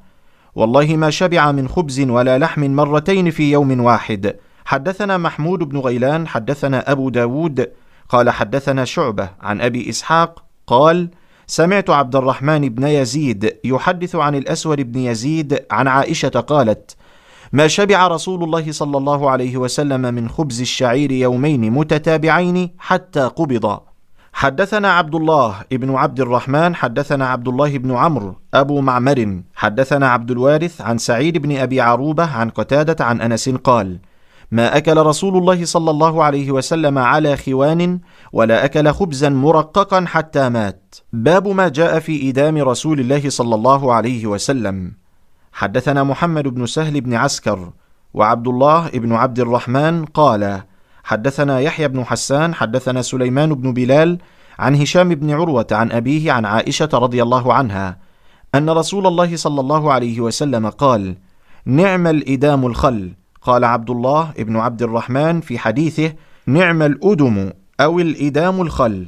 حدثنا قتيبة حدثنا أبو الأحوص عن سماك بن حرب قال سمعت النعمان بن بشير يقول ألستم في طعام وشراب ما شئتم؟ لقد رأيت نبيكم صلى الله عليه وسلم وما يجد من الدقل ما يملأ بطنه. حدثنا عبدة بن عبد الله الخزاعي حدثنا معاوية بن هشام عن سفيان عن محارب بن دثار عن جابر بن عبد الله قال قال رسول الله صلى الله عليه وسلم نعم الإدام الخل. حدثنا هناد حدثنا وكيع عن سفيان عن أيوب عن أبي قلابة عن زهد من الجرمي قال كنا عند أبي موسى الأشعري فأتي بلحم دجاج فتنحى رجل من القوم فقال ما لك؟ فقال إني رأيتها تأكل شيئا نتنا فحلفت ألا آكلها. قال ادنوا فإني رأيت رسول الله صلى الله عليه وسلم يأكل لحم دجاج. حدثنا الفضل بن سهل الأعرج البغدادي. حدثنا إبراهيم بن عبد الرحمن بن مهدي عن إبراهيم بن عمر بن سفينة عن أبيه عن جده قال أكلت مع رسول الله صلى الله عليه وسلم لحم حبارا. وفي الحديث دلالة على حل أكل الدجاج وأنه من الطيبات. حدثنا علي بن حجر حدثنا إسماعيل بن إبراهيم عن أيوب عن القاسم التميمي عن زهدم الجرمي قال كنا عند أبي موسى الأشعري. قال فقدم طعامه وقدم في طعامه لحم دجاج. وفي القوم رجل من بني تيم الله أحمر كأنه مولى. قال فلم يدنوا فقال له أبو موسى ادنوا فإني قد رأيت رسول الله صلى الله عليه وسلم أكل منه. قال إني رأيته يأكل شيئا فقذرته فحلفت الا أطعمه ابدا. حدثنا محمود بن غيلان حدثنا أبو أحمد الزبيري وأبو نعيم قال حدثنا سفيان عن عبد الله بن عيسى عن رجل من أهل الشام يقال له عطاء عن أبي أسيد قال قال رسول الله صلى الله عليه وسلم كلوا الزيت وادهنوا به فإنه من شجرة مباركة. حدثنا يحيى بن موسى حدثنا عبد الرزاق حدثنا معمر عن زيد بن أسلم عن أبيه عن عمر بن الخطاب رضي الله تعالى عنه قال قال رسول الله صلى الله عليه وسلم كلوا الزيت وادهنوا به فإنه من شجرة مباركة. قال أبو عيسى وكان عبد الرزاق يضطرب في هذا الحديث فربما أسنده وربما أرسله. حدثنا السنجي وهو أبو داود سليمان بن معبد المروزي السنجي. حدثنا عبد الرزاق عن معمر عن زيد بن أسلم عن أبيه عن النبي صلى الله عليه وسلم نحوه ولم يذكر فيه عن عمر. حدثنا محمد بن بشار حدثنا محمد بن جعفر وعبد الرحمن بن مهدي. قال حدثنا شعبة عن قتادة عن أنس بن مالك قال كان النبي صلى الله عليه وسلم يعجبه الدباء فأتي بطعام أو دعي له. فجعلت أتتبعه فأضعه بين يديه لما أعلم أنه يحبه. حدثنا قتيبة بن سعيد حدثنا حفص بن غياث عن إسماعيل بن أبي خالد عن حكيم بن جابر عن أبيه قال: دخلت على النبي صلى الله عليه وسلم فرأيت عنده دباء يقطع فقلت ما هذا؟ قال نكثر به طعامنا، قال أبو عيسى: وجابر هذا هو جابر بن طارق. ويقال ابن أبي طارق. وهو رجل من أصحاب رسول الله صلى الله عليه وسلم ولا نعرف له إلا هذا الحديث الواحد وأبو خالد اسمه سعد. حدثنا قتيبة بن سعيد عن مالك بن أنس عن إسحاق بن عبد الله بن أبي طلحة أنه سمع أنس بن مالك يقول: إن خياطا دعا رسول الله صلى الله عليه وسلم لطعام صنعة، فقال أنس: فذهبت مع رسول الله صلى الله عليه وسلم إلى ذلك الطعام فقرب إلى رسول الله صلى الله عليه وسلم خبزا من شعير ومرقا فيه دباء وقديد. قال أنس فرأيت النبي صلى الله عليه وسلم يتتبع الدباء حوالي الصحفة فلم أزل أحب الدباء من يومئذ. حدثنا أحمد بن إبراهيم الدورقي وسلمة بن شبيب ومحمود بن غيلان قالوا حدثنا أبو أسامة عن هشام بن عروة عن أبيه عن عائشة قالت كان النبي صلى الله عليه وسلم يحب الحلواء والعسل. حدثنا الحسن بن محمد الزعفراني حدثنا الحجاج بن محمد قال قال ابن جريج أخبرني محمد بن يوسف أن عطاء بن يسار أخبره أن أم سلمة أخبرته أنها قربت إلى رسول الله صلى الله عليه وسلم جنبا مشويا فأكل منه ثم قام إلى الصلاة وما توضأ. حدثنا قتيبة حدثنا ابن لهيعة عن سليمان بن زياد عن عبد الله بن الحارث قال أكلنا مع رسول الله صلى الله عليه وسلم شواء في المسجد. حدثنا محمود بن غيلان أنبأنا وكيع. حدثنا مسعر عن أبي صخرة جامع بن شداد عن المغيرة ابن عبد الله عن المغيرة بن شعبة قال ضفت مع رسول الله صلى الله عليه وسلم ذات ليلة فأتي بجنب مشوي ثم أخذ الشفرة فجعل يحز فحز لي بها منه. قال فجاء بلال يؤذنه بالصلاة فألقى الشفرة فقال ما له؟ تربت يداه. قال وكان شاربه قد وفى. فقال له أقصه لك على سواك أو قصه على سواك. حدثنا واصل بن عبد الأعلى حدثنا محمد بن فضيل عن أبي حيان التيمي عن أبي زرعة عن أبي هريرة قال أتي النبي صلى الله عليه وسلم بلحم فرفع إليه الذراع وكانت تعجبه فنهس منها حدثنا محمد بن بشار حدثنا أبو داود عن زهير يعني ابن محمد عن أبي إسحاق عن سعد بن عياض عن ابن مسعود قال كان النبي صلى الله عليه وسلم يعجبه الذراع. قال وسم في الذراع وكان يرى أن اليهود سموه. حدثنا محمد بن بشار حدثنا مسلم بن إبراهيم حدثنا أبان بن يزيد عن قتادة عن شهر بن حوشب عن أبي عبيد قال طبخت للنبي صلى الله عليه وسلم قدرا وقد كان يعجبه الذراع فناولته الذراع ثم قال ناولني الذراع. فناولته ثم قال ناولني الذراع. فقلت يا رسول الله وكم للشاة من ذراع؟ فقال والذي نفسي بيده لو سكت لناولتني الذراع ما دعوت. حدثنا الحسن بن محمد الزعفراني حدثنا يحيى بن عباد عن فليح بن سليمان قال حدثني رجل من بني عباد يقال له عبد الوهاب ابن يحيى ابن عباد عن عبد الله بن الزبير عن عائشة رضي الله عنها قالت ما كان الذراع أحب اللحم إلى رسول الله صلى الله عليه وسلم ولكنه كان لا يجد اللحم إلا غبا وكان يعجل إليها لأنها أعجلها نضجا. حدثنا محمود بن غيلان حدثنا أبو أحمد حدثنا مسعر قال سمعت شيخا من فهم. قال سمعت عبد الله بن جعفر يقول سمعت رسول الله صلى الله عليه وسلم قال إن أطيب اللحم لحم الظهر. حدثنا سفيان بن وكيع حدثنا زيد بن الحباب عن عبد الله بن المؤمل عن ابن أبي مليكة عن عائشة رضي الله عنها أن النبي صلى الله عليه وسلم قال نعم الإدام الخل. حدثنا أبو كريب محمد بن العلاء حدثنا أبو بكر ابن عياش عن ثابت بن أبي حمزة الثمالي عن الشعبي عن أم هانئ قالت دخل علي النبي صلى الله عليه وسلم فقال أعندك شيء؟ فقلت لا إلا خبز يابس وخل فقال هاتي ما أقفر بيت من أدم فيه خل. حدثنا محمد بن المثنى قال حدثنا محمد بن جعفر حدثنا شعبة عن عمرو بن مرة عن مرة الهمداني عن أبي موسى الأشعري عن النبي صلى الله عليه وسلم قال: فضل عائشة على النساء كفضل الثريد على سائر الطعام. حدثنا علي بن حجر حدثنا إسماعيل بن جعفر حدثنا عبد الله بن عبد الرحمن بن معمر الأنصاري أبو طوالة أنه سمع أنس بن مالك يقول: قال رسول الله صلى الله عليه وسلم: فضل عائشة على النساء كفضل الثريد على سائر الطعام. حدثنا قتيبة بن سعيد حدثنا عبد العزيز ابن محمد عن سهيل بن أبي صالح عن أبيه عن أبي هريرة رضي الله عنه أنه رأى رسول الله صلى الله عليه وسلم توضأ من أكل ثور أقط ثم رآه أكل من كتف شاة ثم صلى ولم يتوضأ. حدثنا ابن أبي عمر حدثنا سفيان بن عيينة عن وائل بن داود عن ابنه وهو بكر بن وائل عن الزهري عن أنس بن مالك قال أولم رسول الله صلى الله عليه وسلم على صفية بتمر وسويق.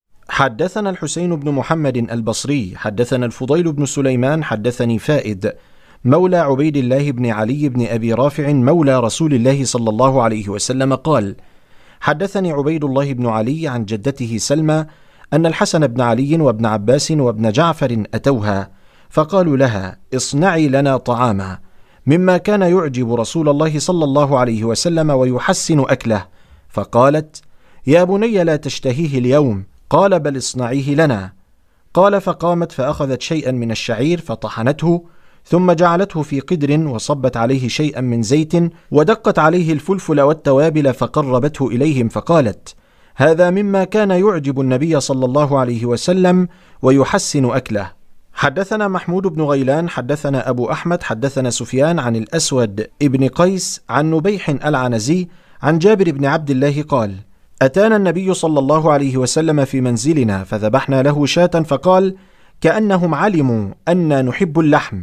وفي الحديث قصة حدثنا ابن أبي عمر حدثنا سفيان حدثنا عبد الله ابن محمد بن عقيل أنه سمع جابرا قال سفيان وحدثنا محمد بن المنكدر عن جابر قال خرج رسول الله صلى الله عليه وسلم وأنا معه فدخل على امرأة من الأنصار فذبحت له شاة فأكل منها. وأتته بقناع من رطب فأكل منه ثم توضأ للظهر وصلى ثم انصرف فأتته بعلالة من علالة الشاه فأكل ثم صلى العصر ولم يتوضأ. حدثنا العباس بن محمد الدوري حدثنا يونس بن محمد حدثنا فليح بن سليمان عن عثمان بن عبد الرحمن عن يعقوب بن أبي يعقوب عن أم المنذر قالت دخل علي رسول الله صلى الله عليه وسلم ومعه علي ولنا دوال معلقة قالت فجعل رسول الله صلى الله عليه وسلم يأكل وعلي معه يأكل. فقال رسول الله صلى الله عليه وسلم لعلي ما هي علي؟ فإنك ناقه. قالت فجلس علي والنبي صلى الله عليه وسلم يأكل. قالت فجعلت لهم سلقا وشعيرا. فقال رسول الله صلى الله عليه وسلم لعلي من هذا فأصب فإنه أوفق لك. حدثنا محمد بن غيلان حدثنا بشر بن السري عن سفيان عن طلحة بن يحيى عن عائشة بنت طلحة عن عائشة أم المؤمنين رضي الله عنها قالت كان النبي صلى الله عليه وسلم يأتيني فيقول عندك غداء؟ فأقول لا. قالت فيقول إني صائم. قالت فأتانا يوما فقلت يا رسول الله إنه أهديت لنا هدية. قال وما هي؟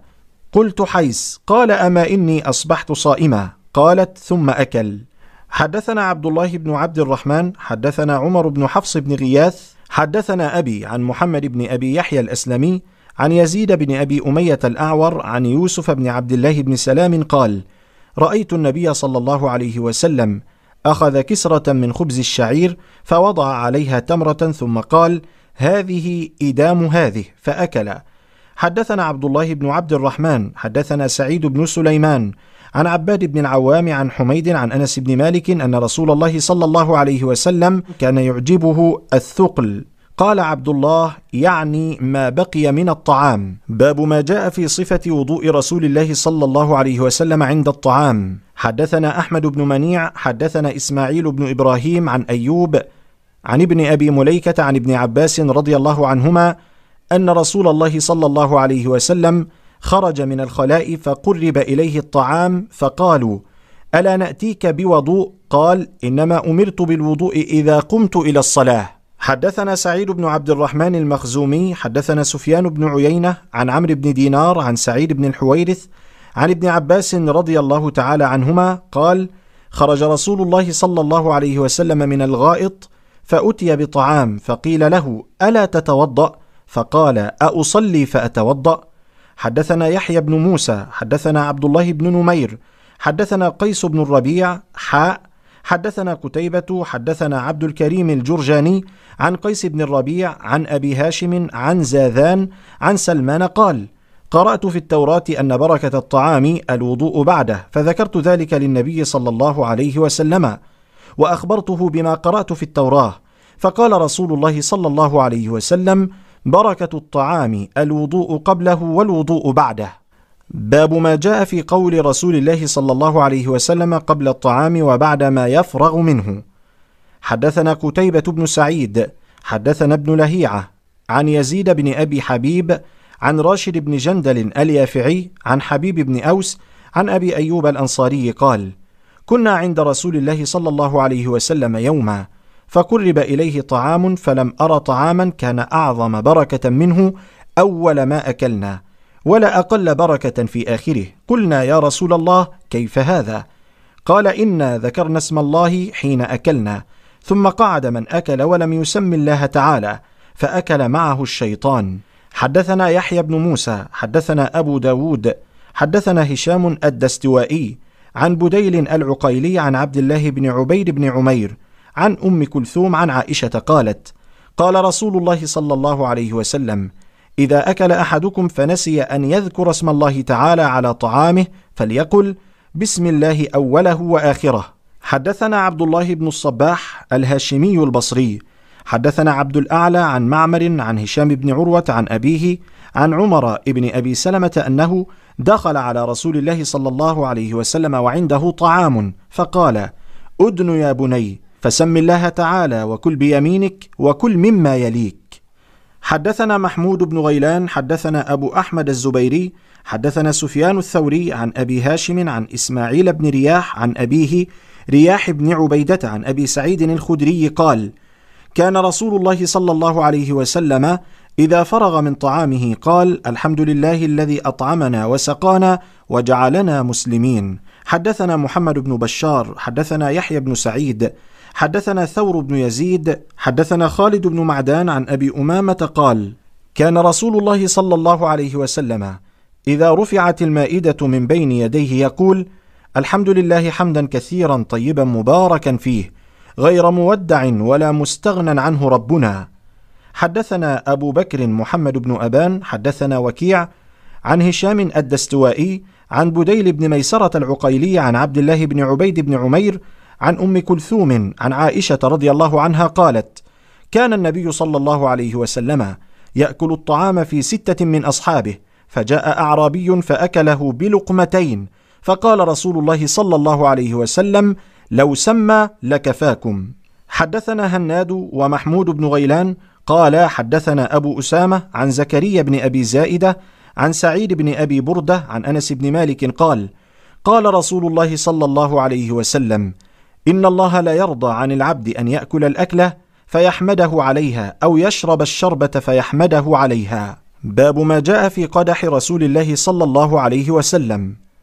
حدثنا الحسين بن الأسود البغدادي، حدثنا عمرو بن محمد، حدثنا عيسى بن طهمان عن ثابت قال: أخرج إلينا أنس بن مالك قدح خشب غليظا مضببا بحديد، فقال يا ثابت: هذا قدح رسول الله صلى الله عليه وسلم. حدثنا عبد الله بن عبد الرحمن حدثنا عمرو بن عاصم حدثنا حماد بن سلمة حدثنا حميد وثابت عن أنس قال: لقد سقيت رسول الله صلى الله عليه وسلم بهذا القدح الشراب كله الماء والنبيذ والعسل واللبن. باب ما جاء في فاكهة رسول الله صلى الله عليه وسلم.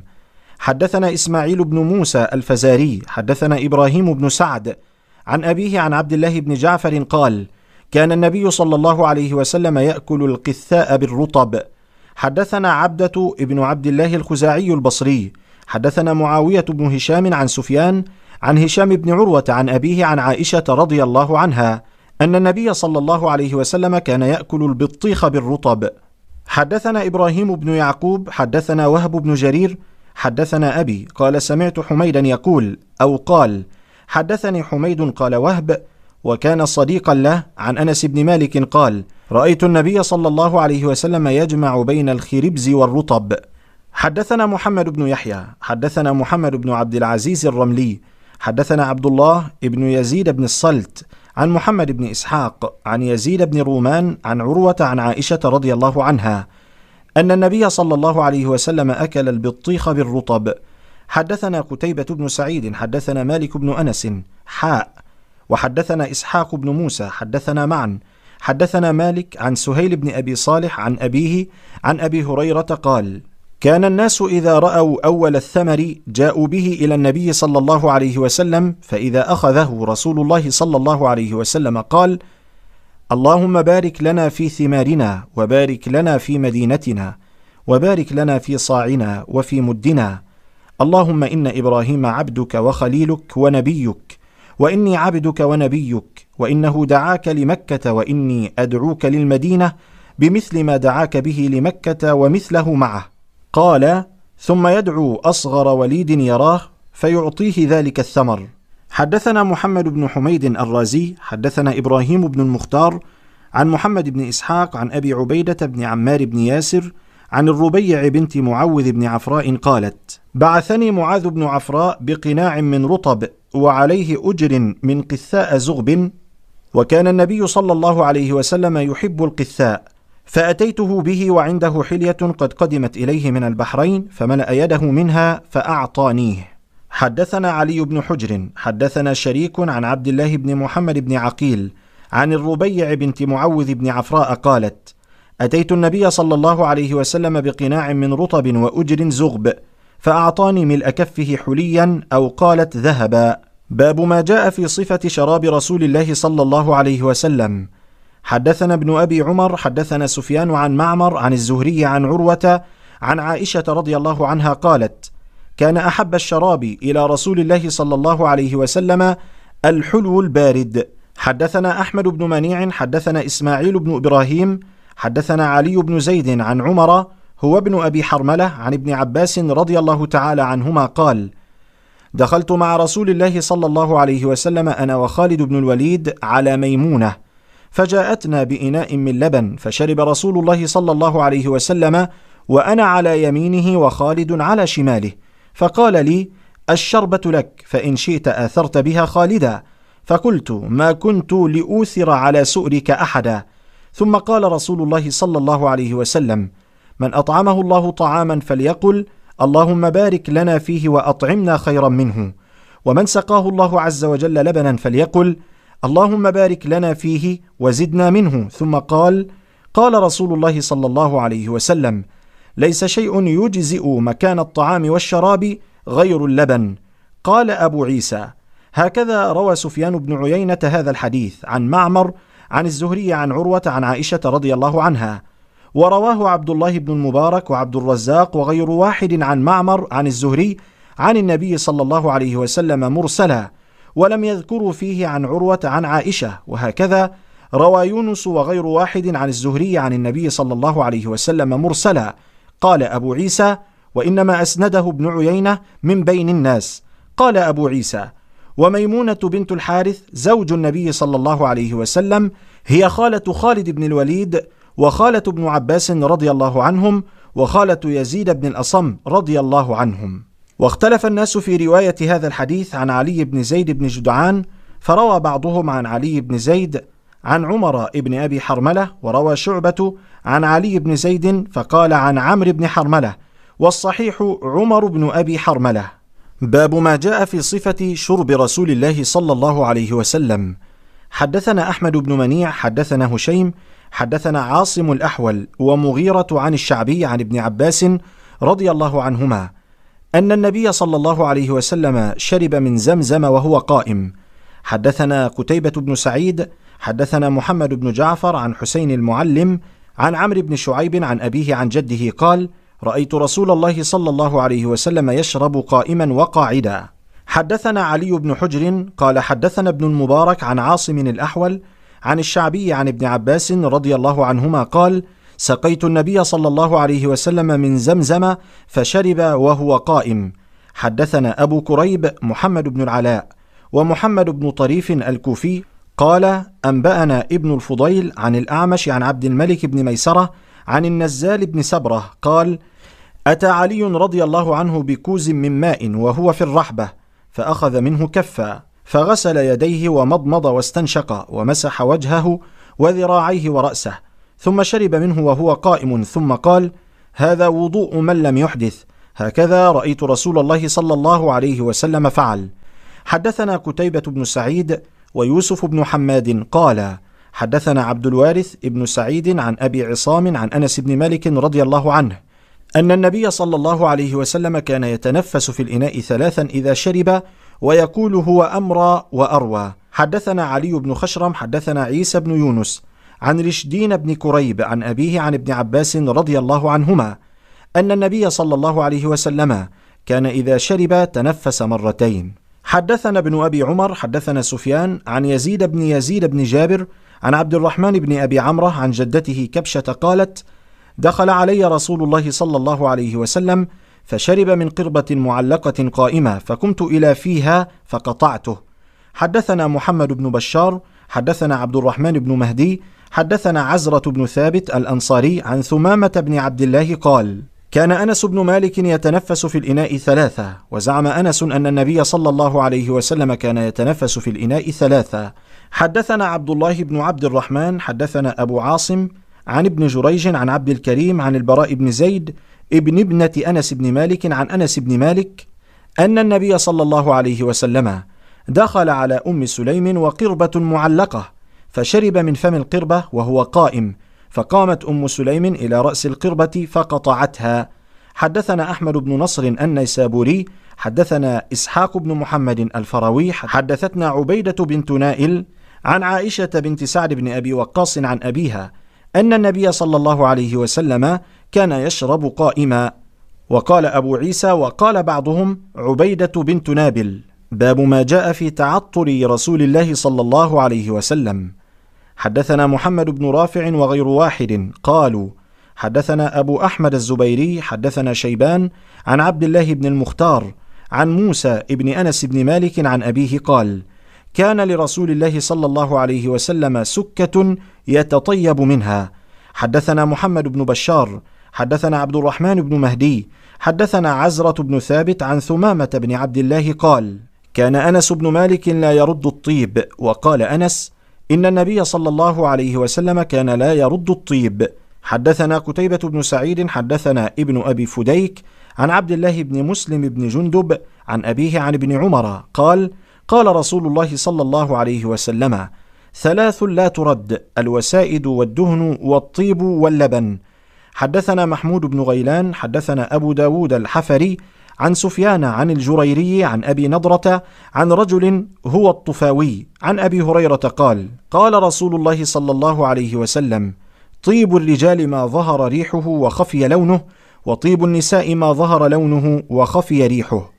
حدثنا علي بن حجر حدثنا إسماعيل بن إبراهيم عن الجريري عن أبي نضرة عن الطفاوي عن أبي هريرة رضي الله عنه عن النبي صلى الله عليه وسلم مثله بمعناه. حدثنا محمد بن خليفة وعمرو بن علي قال حدثنا يزيد بن زريع حدثنا حجاج الصواف عن حنان عن أبي عثمان النهدي قال قال رسول الله صلى الله عليه وسلم إذا أعطي أحدكم الريحان فلا يرده فإنه خرج من الجنة. قال أبو عيسى ولا نعرف لحنان غير هذا الحديث. حدثنا عمر بن إسماعيل ابن مجالد بن سعيد الهمداني. حدثنا أبي عن بيان عن قيس بن أبي حازم عن جرير بن عبد الله قال عرضت بين يدي عمر بن الخطاب رضي الله تعالى عنه فألقى جرير رداءه ومشى في إزار فقال له خذ رداءك فقال عمر للقوم ما رأيت رجلا أحسن صورة من جرير إلا ما بلغنا من صورة يوسف الصديق عليه السلام باب كيف كان كلام رسول الله صلى الله عليه وسلم. حدثنا حميد بن مسعدة البصري حدثنا حميد بن الأسود عن أسامة بن زيد عن الزهري عن عروة عن عائشة رضي الله تعالى عنها قالت ما كان رسول الله صلى الله عليه وسلم يسرد سردكم هذا ولكنه كان يتكلم بكلام بين فصل يحفظه من جلس إليه. حدثنا محمد بن يحيى حدثنا أبو كتيبه سلم بن كتيبه عن عبد الله بن المثنى عن ثمامة عن أنس بن مالك قال كان رسول الله صلى الله عليه وسلم يعيد الكلمة ثلاثا لتعقل عنه. حدثنا سفيان بن وكيع أنبأنا جميع بن عمير ابن عبد الرحمن العجلي. قال حدثني رجل من بني تميم من ولد أبي هالة زوج خديجة يكنى أبا عبد الله. عن ابن لأبي هالة عن الحسن بن علي رضي الله تعالى عنهما قال سألت خالي هند بن أبي هالة وكان وصافا قلت صف لي منطق رسول الله صلى الله عليه وسلم. قال كان رسول الله صلى الله عليه وسلم متواصل الأحزان دائم الفكرة ليست له راحة طويل السكت لا يتكلم في غير حاجة يفتتح الكلام ويختمه بأشداقه ويتكلم بجوامع الكلم كلامه فصل لا فضول ولا تقصير ليس بالجافي ولا المهين يعظم النعمة وإن دقت لا يذم منها شيئا غير أنه لم يكن يذم ذواقا ولا يمدحه ولا تغضبه الدنيا ولا ما كان لها فإذا تعدي الحق لم يقم لغضبه شيء حتى ينتصر له ولا يغضب لنفسه ولا ينتصر لها إذا أشار أشار بكفه كلها وإذا تعجب قلبها وإذا تحدث اتصل بها وضرب براحته اليمنى بطن إبهامه اليسرى وإذا غضب أعرض وأشاح وإذا فرح غض طرفه. جل ضحكه التبسم يفتر عن مثل حب الغمام. باب ما جاء في ضحك رسول الله صلى الله عليه وسلم. حدثنا أحمد بن منيع حدثنا عباد بن العوام أنبأنا الحجاج وهو ابن أرطاه. عن سماك بن حرب عن جابر بن سمرة رضي الله عنه قال كان في ساقي رسول الله صلى الله عليه وسلم حموشة وكان لا يضحك إلا تبسما فكنت إذا نظرت إليه قلت أكحل العينين وليس بأكحل حدثنا قتيبة بن سعيد أنبأنا بن لهيعة عن عبيد الله بن المغيرة عن عبد الله بن الحارث بن جزء رضي الله عنه أنه قال: ما رأيت أحدا أكثر تبسما من رسول الله صلى الله عليه وسلم. حدثنا أحمد بن خالد الخلال، حدثنا يحيى بن إسحاق السيلحاني، حدثنا ليث بن سعد عن يزيد بن أبي حبيب عن عبد الله بن الحارث رضي الله عنه قال: ما كان ضحك رسول الله صلى الله عليه وسلم إلا تبسما. قال أبو عيسى هذا حديث غريب من حديث ليث بن سعد. حدثنا أبو عمار الحسين بن حريث. أنبأنا وكيع حدثنا الأعمش عن المعرور بن سويد عن أبي ذر رضي الله عنه قال قال رسول الله صلى الله عليه وسلم إني لأعلم أول رجل يدخل الجنة وآخر رجل يخرج من النار. يؤتى بالرجل يوم القيامة فيقال اعرضوا عليه صغار ذنوبه ويخبأ عنه كبارها.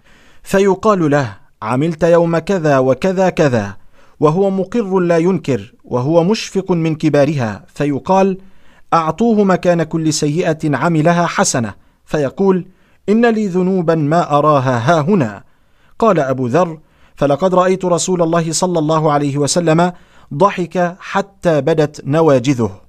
حدثنا أحمد بن منيع حدثنا معاوية بن عمرو.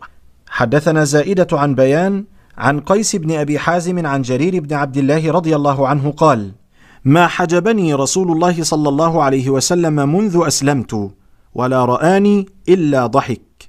حدثنا أحمد بن منيع حدثنا معاوية بن عمرو حدثنا زائدة عن إسماعيل بن أبي خالد عن قيس عن جرير قال ما حجبني رسول الله صلى الله عليه وسلم ولا رآني منذ أسلمت إلا تبسم.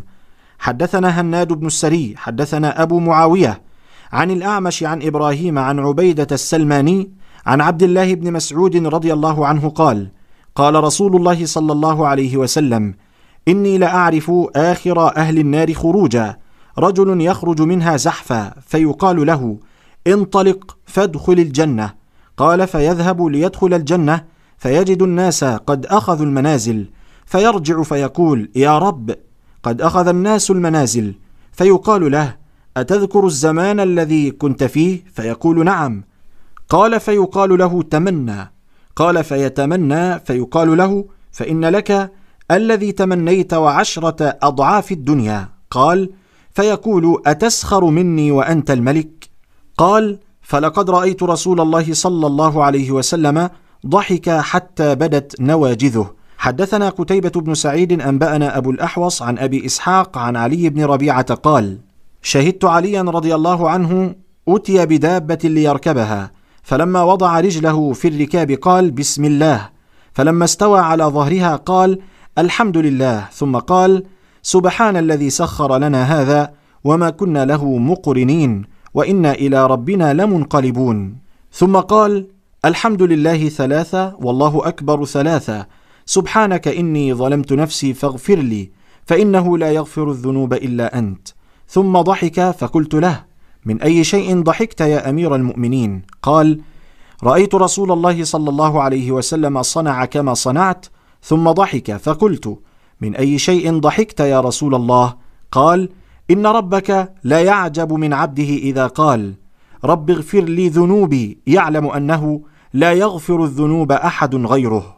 حدثنا محمد بن بشار أنبأنا محمد بن عبد الله الأنصاري حدثنا عبد الله بن عون عن محمد بن محمد بن الأسود عن عامر بن سعد قال قال سعد لقد رأيت رسول الله صلى الله عليه وسلم ضحك يوم الخندق حتى بدت نواجذه. قال قلت كيف كان ضحكه قال كان رجل معه ترس وكان سعد راميا وكان الرجل يقول كذا وكذا بالترس يغطي جبهته. فنزع له سعد بسهم فلما رفع رأسه رماه فلم يخطئ هذه منه يعني جبهته. وانقلب الرجل وشال برجله. فضحك رسول الله صلى الله عليه وسلم حتى بدت نواجذه. قال قلت من أي شيء ضحك قال من فعله بالرجل. باب ما جاء في صفة مزاح رسول الله صلى الله عليه وسلم. حدثنا محمد بن غيلان أنبأنا أبو أسامة عن شريك عن عاصم الأحول عن أنس بن مالك قال إن النبي صلى الله عليه وسلم قال له يا ذا الأذنين. قال محمود قال أبو أسامة يعني يمازحه. حدثنا هناد بن السري حدثنا وكيع عن شعبة عن أبي التياح عن أنس بن مالك رضي الله عنه قال إن كان النبي صلى الله عليه وسلم ليخالطنا حتى يقول لأخ لي صغير يا أبا عمير ما فعل النغير؟ قال أبو عيسى وفقه هذا الحديث أن النبي صلى الله عليه وسلم كان يمازح وفيه أنه كن غلاما صغيرا فقال له يا أبا عمير وفيه أنه لا بأس أن يعطى الصبي الطير ليلعب به. وإنما قال له النبي صلى الله عليه وسلم يا أبا عمير ما فعل النغير؟ لأنه كان له نغير يلعب به. فمات فحزن الغلام عليه فمازحه النبي صلى الله عليه وسلم. فقال يا أبا عمير ما فعل النغير؟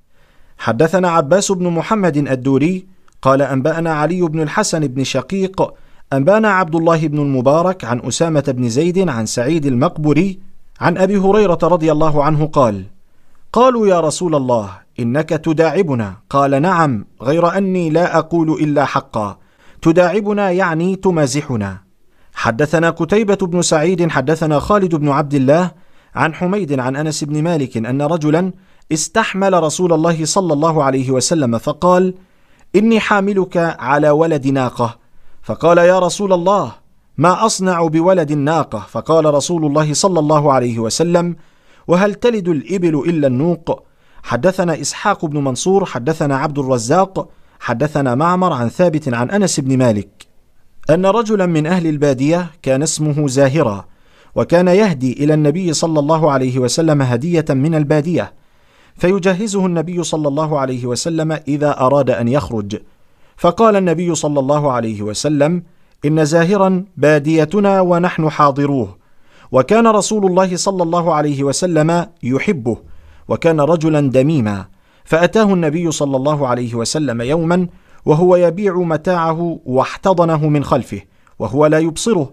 فقال من هذا؟ أرسلني. فالتفت فعرف النبي صلى الله عليه وسلم فجعل لا يألو ما ألصق ظهره بصدر النبي صلى الله عليه وسلم حين عرفه. فجعل النبي صلى الله عليه وسلم يقول من يشتري هذا العبد؟ فقال الرجل يا رسول الله اذا والله تجدني كاسدا. فقال النبي صلى الله عليه وسلم لكن عند الله لست بكاسد. أو قال أنت عند الله غال.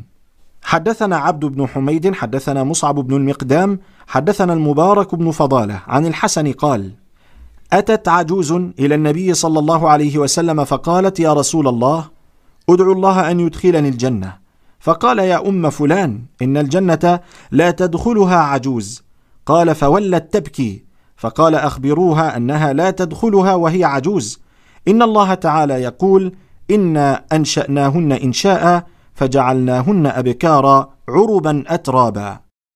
باب ما جاء في صفة كلام رسول الله صلى الله عليه وسلم في الشعر وفيه إحدى عشر حديثا. حدثنا علي بن حجر حدثنا شريك عن المقدام بن شريح عن أبيه عن عائشة رضي الله عنها قالت قيل لها هل كان النبي صلى الله عليه وسلم يتمثل بشيء من الشعر؟ قالت كان يتمثل بشعر ابن رواحة ويتمثل ويقول ويأتيك بالأخبار من لم تزودي. حدثنا محمد بن بشار حدثنا عبد الرحمن ابن مهدي قال حدثنا سفيان الثوري عن عبد الملك بن عمير حدثنا أبو سلمة عن أبي هريرة رضي الله عنه قال قال رسول الله صلى الله عليه وسلم إن أصدق كلمة قالها الشاعر كلمة لبيد ألا كل شيء ما خلا الله باطل وكاد أمية بن أبي الصلت أن يسلم. حدثنا محمد بن المثنى قال أنبأنا محمد بن جعفر. حدثنا شعبة عن الأسود بن قيس عن جندب بن سفيان البجلي قال أصاب حجر أصبع رسول الله صلى الله عليه وسلم فدميت فقال هل أنت إلا أصبع دميت وفي سبيل الله ما لقيت. حدثنا ابن عمر حدثنا سفيان بن عيينة عن الأسود بن قيس عن جندب بن عبد الله البجلي نحوه. حدثنا محمد بن بشار حدثنا يحيى بن سعيد حدثنا سفيان الثوري حدثنا أبو إسحاق عن البراء بن عازب قال قال له رجل أفررتم عن رسول الله صلى الله عليه وسلم يا أبا عمارة؟ فقال لا والله ما ولى رسول الله صلى الله عليه وسلم ولكن ولى سرعان الناس تلقتهم هوازن بالنبل ورسول الله صلى الله عليه وسلم على بغلته وأبو سفيان بن الحارث ابن عبد المطلب آخذ بلجامها ورسول الله صلى الله عليه وسلم يقول أنا النبي لا كذب أنا ابن عبد المطلب. حدثنا إسحاق بن منصور حدثنا عبد الرزاق حدثنا جعفر بن سليمان أنبأنا ثابت عن أنس أن النبي صلى الله عليه وسلم دخل مكة في عمرة القضاء وابن رواحة يمشي بين يديه وهو يقول خلوا بني الكفار عن سبيله اليوم نضربكم على تنزيله ضربا يزيل الهام عن مقيله ويذهل الخليل عن خليله فقال له عمر يا ابن رواحة بين يدي رسول الله صلى الله عليه وسلم وفي حرم الله تقول الشعر فقال النبي صلى الله عليه وسلم خل عنه يا عمر فلهي أسرع فيهم من نضح النبل.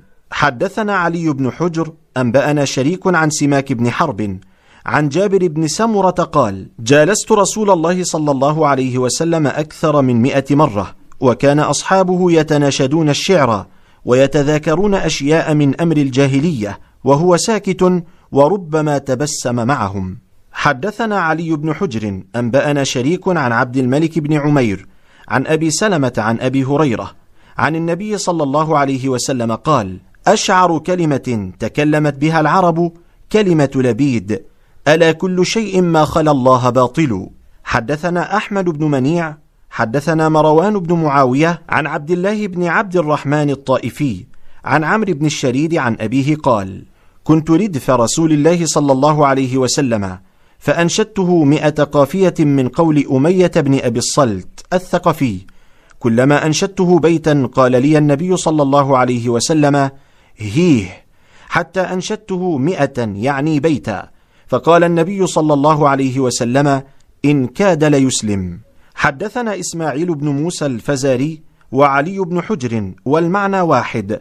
أنبأنا عبد الرحمن ابن أبي الزناد عن هشام بن عروة عن أبيه عن عائشة رضي الله عنها قالت كان رسول الله صلى الله عليه وسلم يضع لحسان بن ثابت منبرا في المسجد يقوم عليه قائما يفاخر عن رسول الله صلى الله عليه وسلم أو قال ينافح عن رسول الله صلى الله عليه وسلم ويقول رسول الله صلى الله عليه وسلم إن الله تعالى يؤيد حسان بروح القدس ما ينافح أو يفاخر عن رسول الله صلى الله عليه وسلم. حدثنا إسماعيل بن موسى وعلي بن حجر قال حدثنا ابن أبي الزناد عن أبيه عن عروة عن عائشة رضي الله عنها عن النبي صلى الله عليه وسلم مثله.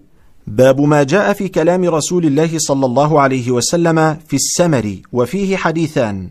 حدثنا الحسن بن صباح البزار حدثنا أبو النضر حدثنا أبو عقيل الثقفي عبد الله بن عقيل عن مجالد عن الشعبي عن مسروق عن عائشة قالت حدث رسول الله صلى الله عليه وسلم ذات ليلة نساءه حديثا فقالت امرأة منهن كأن الحديث حديث خرافة فقال أتدرون ما خرافة؟ إن خرافة كان رجلا من عذرة أسرته الجن في الجاهلية فمكث فيهم دهرا ثم ردوه إلى الإنس فكان يحدث الناس بما رأى فيهم من الأعاجيب فقال الناس حديث خرافة. حديث أم زرع. حدثنا علي بن حجر قال أنبأنا عيسى بن يونس عن هشام بن عروة عن أخيه عبد الله بن عروة عن عروة عن عائشة قالت جلست إحدى عشرة امرأة فتعاهدن وتعاقدن ألا يكتمن من أخبار أزواجهن شيئا. فقالت قالت الأولى زوجي لحم جمل غث. على رأس جبل وعر لا سهل فيرتقى ولا سمين فينتقل. قالت الثانية زوجي لا أبث خبره إني أخاف ألا أذره إن أذكره أذكر عجره وبجره. قالت الثالثة زوجي العشنق إن أنطق أطلق وإن أسكت أعلق. قالت الرابعة زوجي كليل تهامة لا حر ولا قر ولا مخافة ولا سآمة. قالت الخامسة زوجي إن دخل فهد وإن خرج أسد ولا يسأل عما عهد. قالت السادسة زوجي إن أكل لف وإن شرب اشتف وإن اضطجع التف ولا يولج الكف ليعلم البث. قالت السابعة زوجي عياياء أو غياياء طباقاء كل داء له داء شجك أو فلك أو جمع كل لك. قالت الثامنة زوجي المس مس أرنب والريح ريح زرنب. قالت التاسعة زوجي رفيع العماد طويل النجاد عظيم الرماد قريب البيت من الناد. قالت العاشرة زوجي مالك وما مالك؟ مالك خير من ذلك له إبل كثيرات المبارك قليلات المسارح. إذا سمعن صوت المزهر أيقن أنهن هوالك. قالت الحادية عشرة زوجي أبو زرع وما أبو زرع؟ أناس من حلي أذني وملأ من شحم عضدي وبجحني فبجحت إلي نفسي وجدني في أهل غنيمة بشق فجعلني في أهل صهيل وأطيط ودائس ومنق. فعنده أقول فلا أقبح وأرقد فأتصبح وأشرب فأتقمح. أم أبي زرع فما أم أبي زرع؟ عكومها رداح وبيتها فساح. ابن أبي زرع فما ابن أبي زرع؟ مضجعه كمسل شطبة وتشبعه ذراع الجفرة. بنت أبي زرع فما بنت أبي زرع؟ طوع أبيها وطوع أمها وملء كسائها وغيظ جاراتها. جارية أبي زرع فما جارية أبي زرع؟ لا تبث حديثنا تبثيثا ولا تنفث ميرتنا تنفيثا ولا تملأ بيتنا تعشيشا.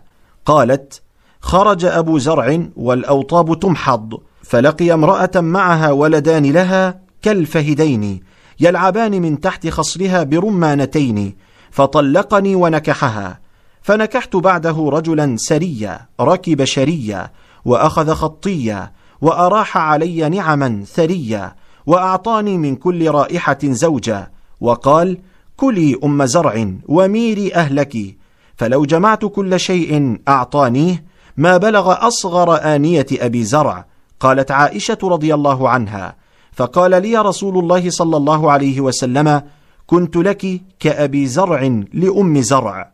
باب ما جاء في صفة نوم رسول الله صلى الله عليه وسلم وفيه سبعة أحاديث.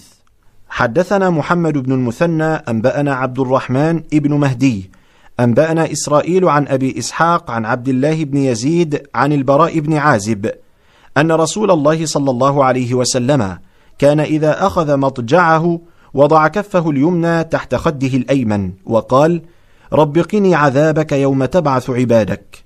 حدثنا محمد بن المثنى أنبأنا عبد الرحمن أنبأنا إسرائيل عن أبي إسحاق عن أبي عبيدة عن عبد الله مثله وقال يوم تجمع عبادك.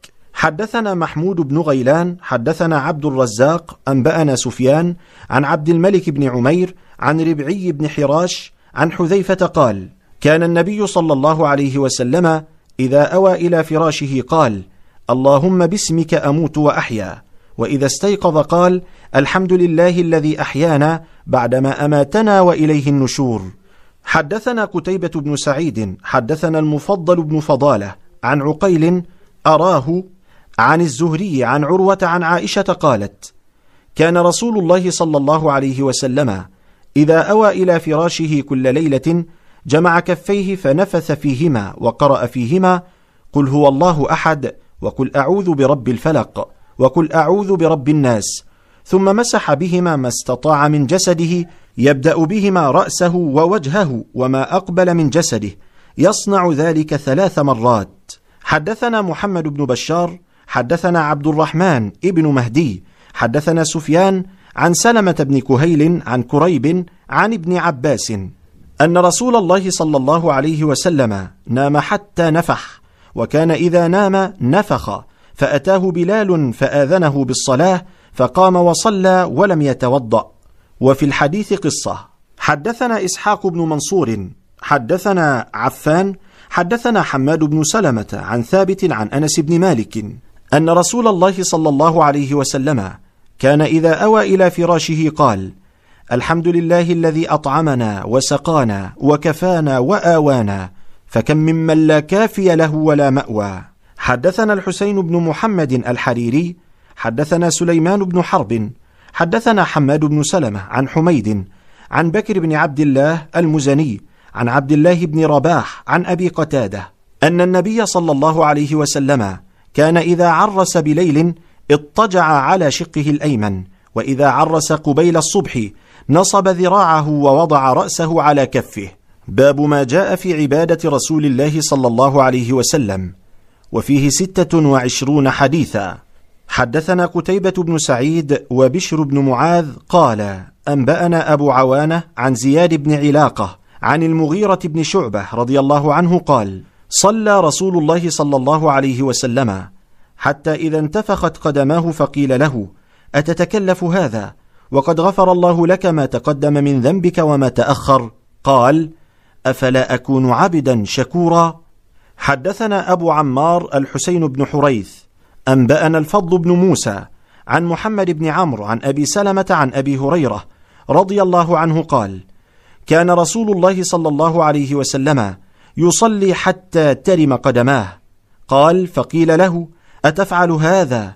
وقد جاءك أن الله تعالى قد غفر لك ما تقدم من ذنبك وما تأخر.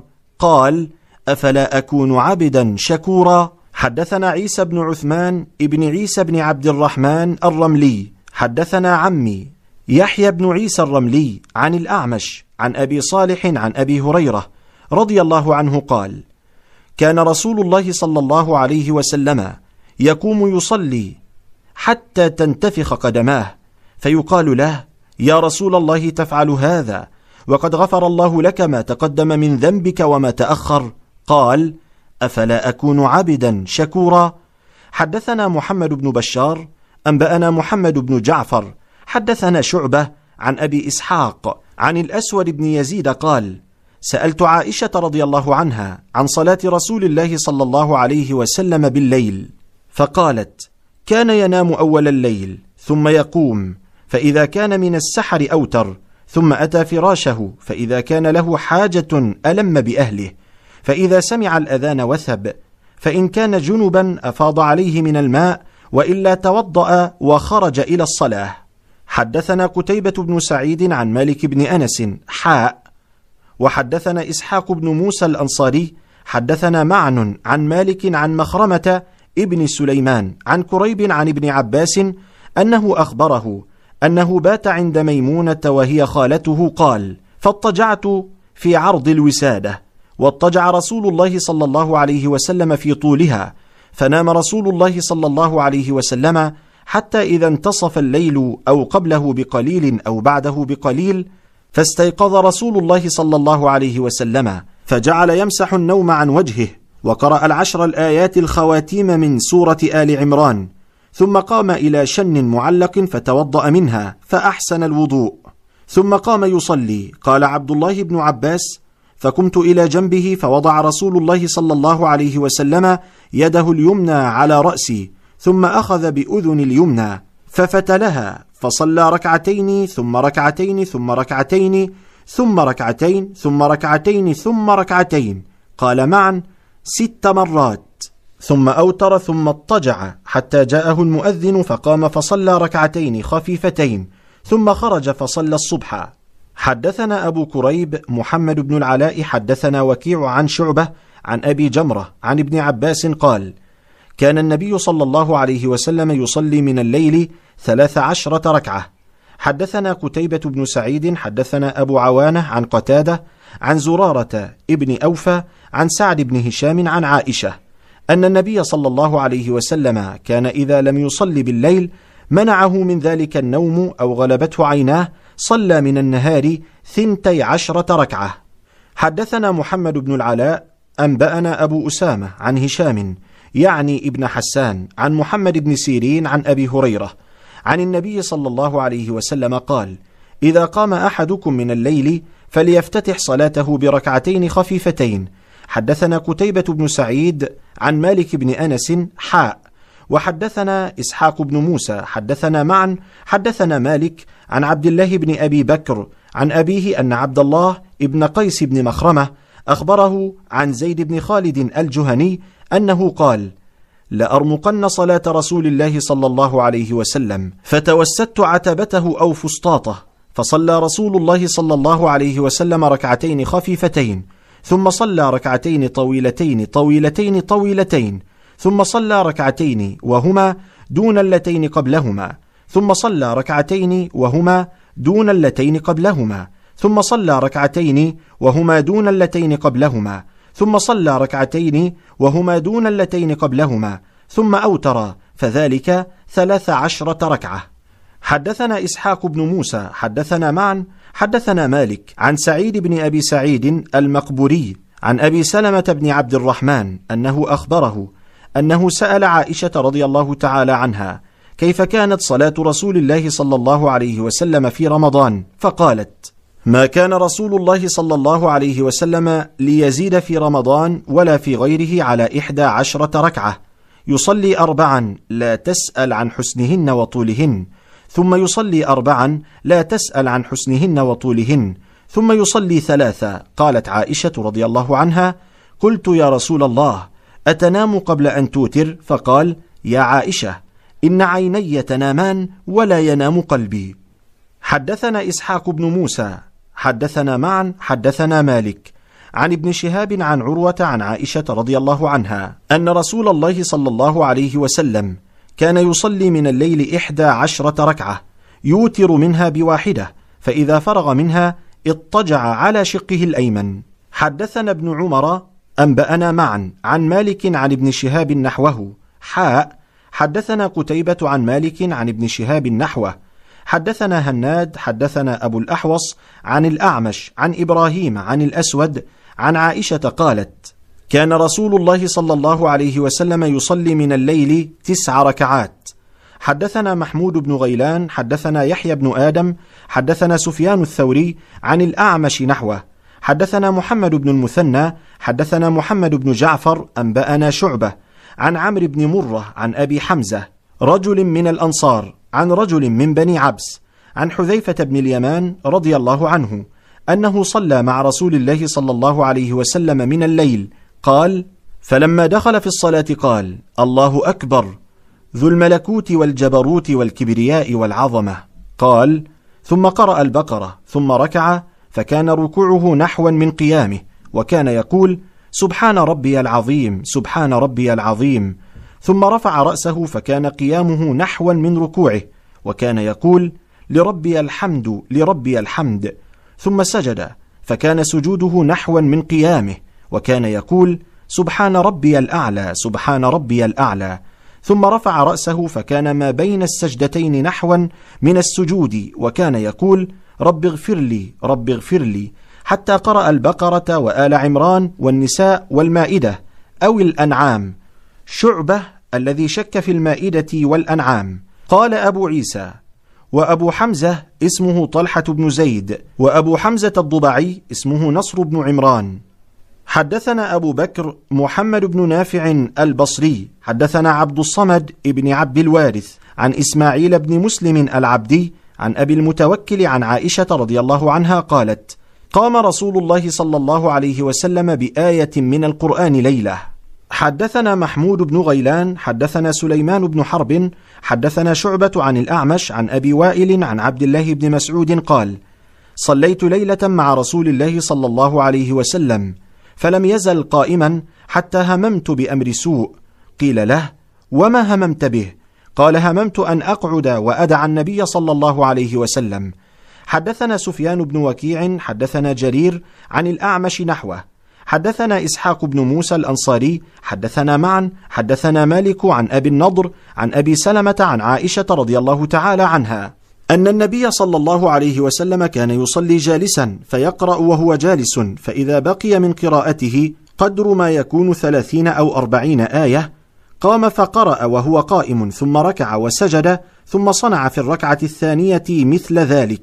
حدثنا أحمد بن منيع حدثنا هشيم أنبأنا خالد الحذاء عن عبد الله بن شقيق قال سألت عائشة رضي الله عنها عن صلاة رسول الله صلى الله عليه وسلم عن تطوعه فقالت كان يصلي ليلا طويلا قائما وليلا طويلا قاعدا فإذا قرأ وهو قائم ركع وسجد وهو قائم وإذا قرأ وهو جالس ركع وسجد وهو جالس. حدثنا إسحاق بن موسى الأنصاري حدثنا معا. حدثنا مالك عن ابن شهاب عن السائب بن يزيد عن المطلب بن أبي وداعة السهمي عن حفصة زوج النبي صلى الله عليه وسلم قالت كان رسول الله صلى الله عليه وسلم يصلي في سبحته قاعدا ويقرأ بالسورة ويرتلها حتى تكون أطول من أطول منها.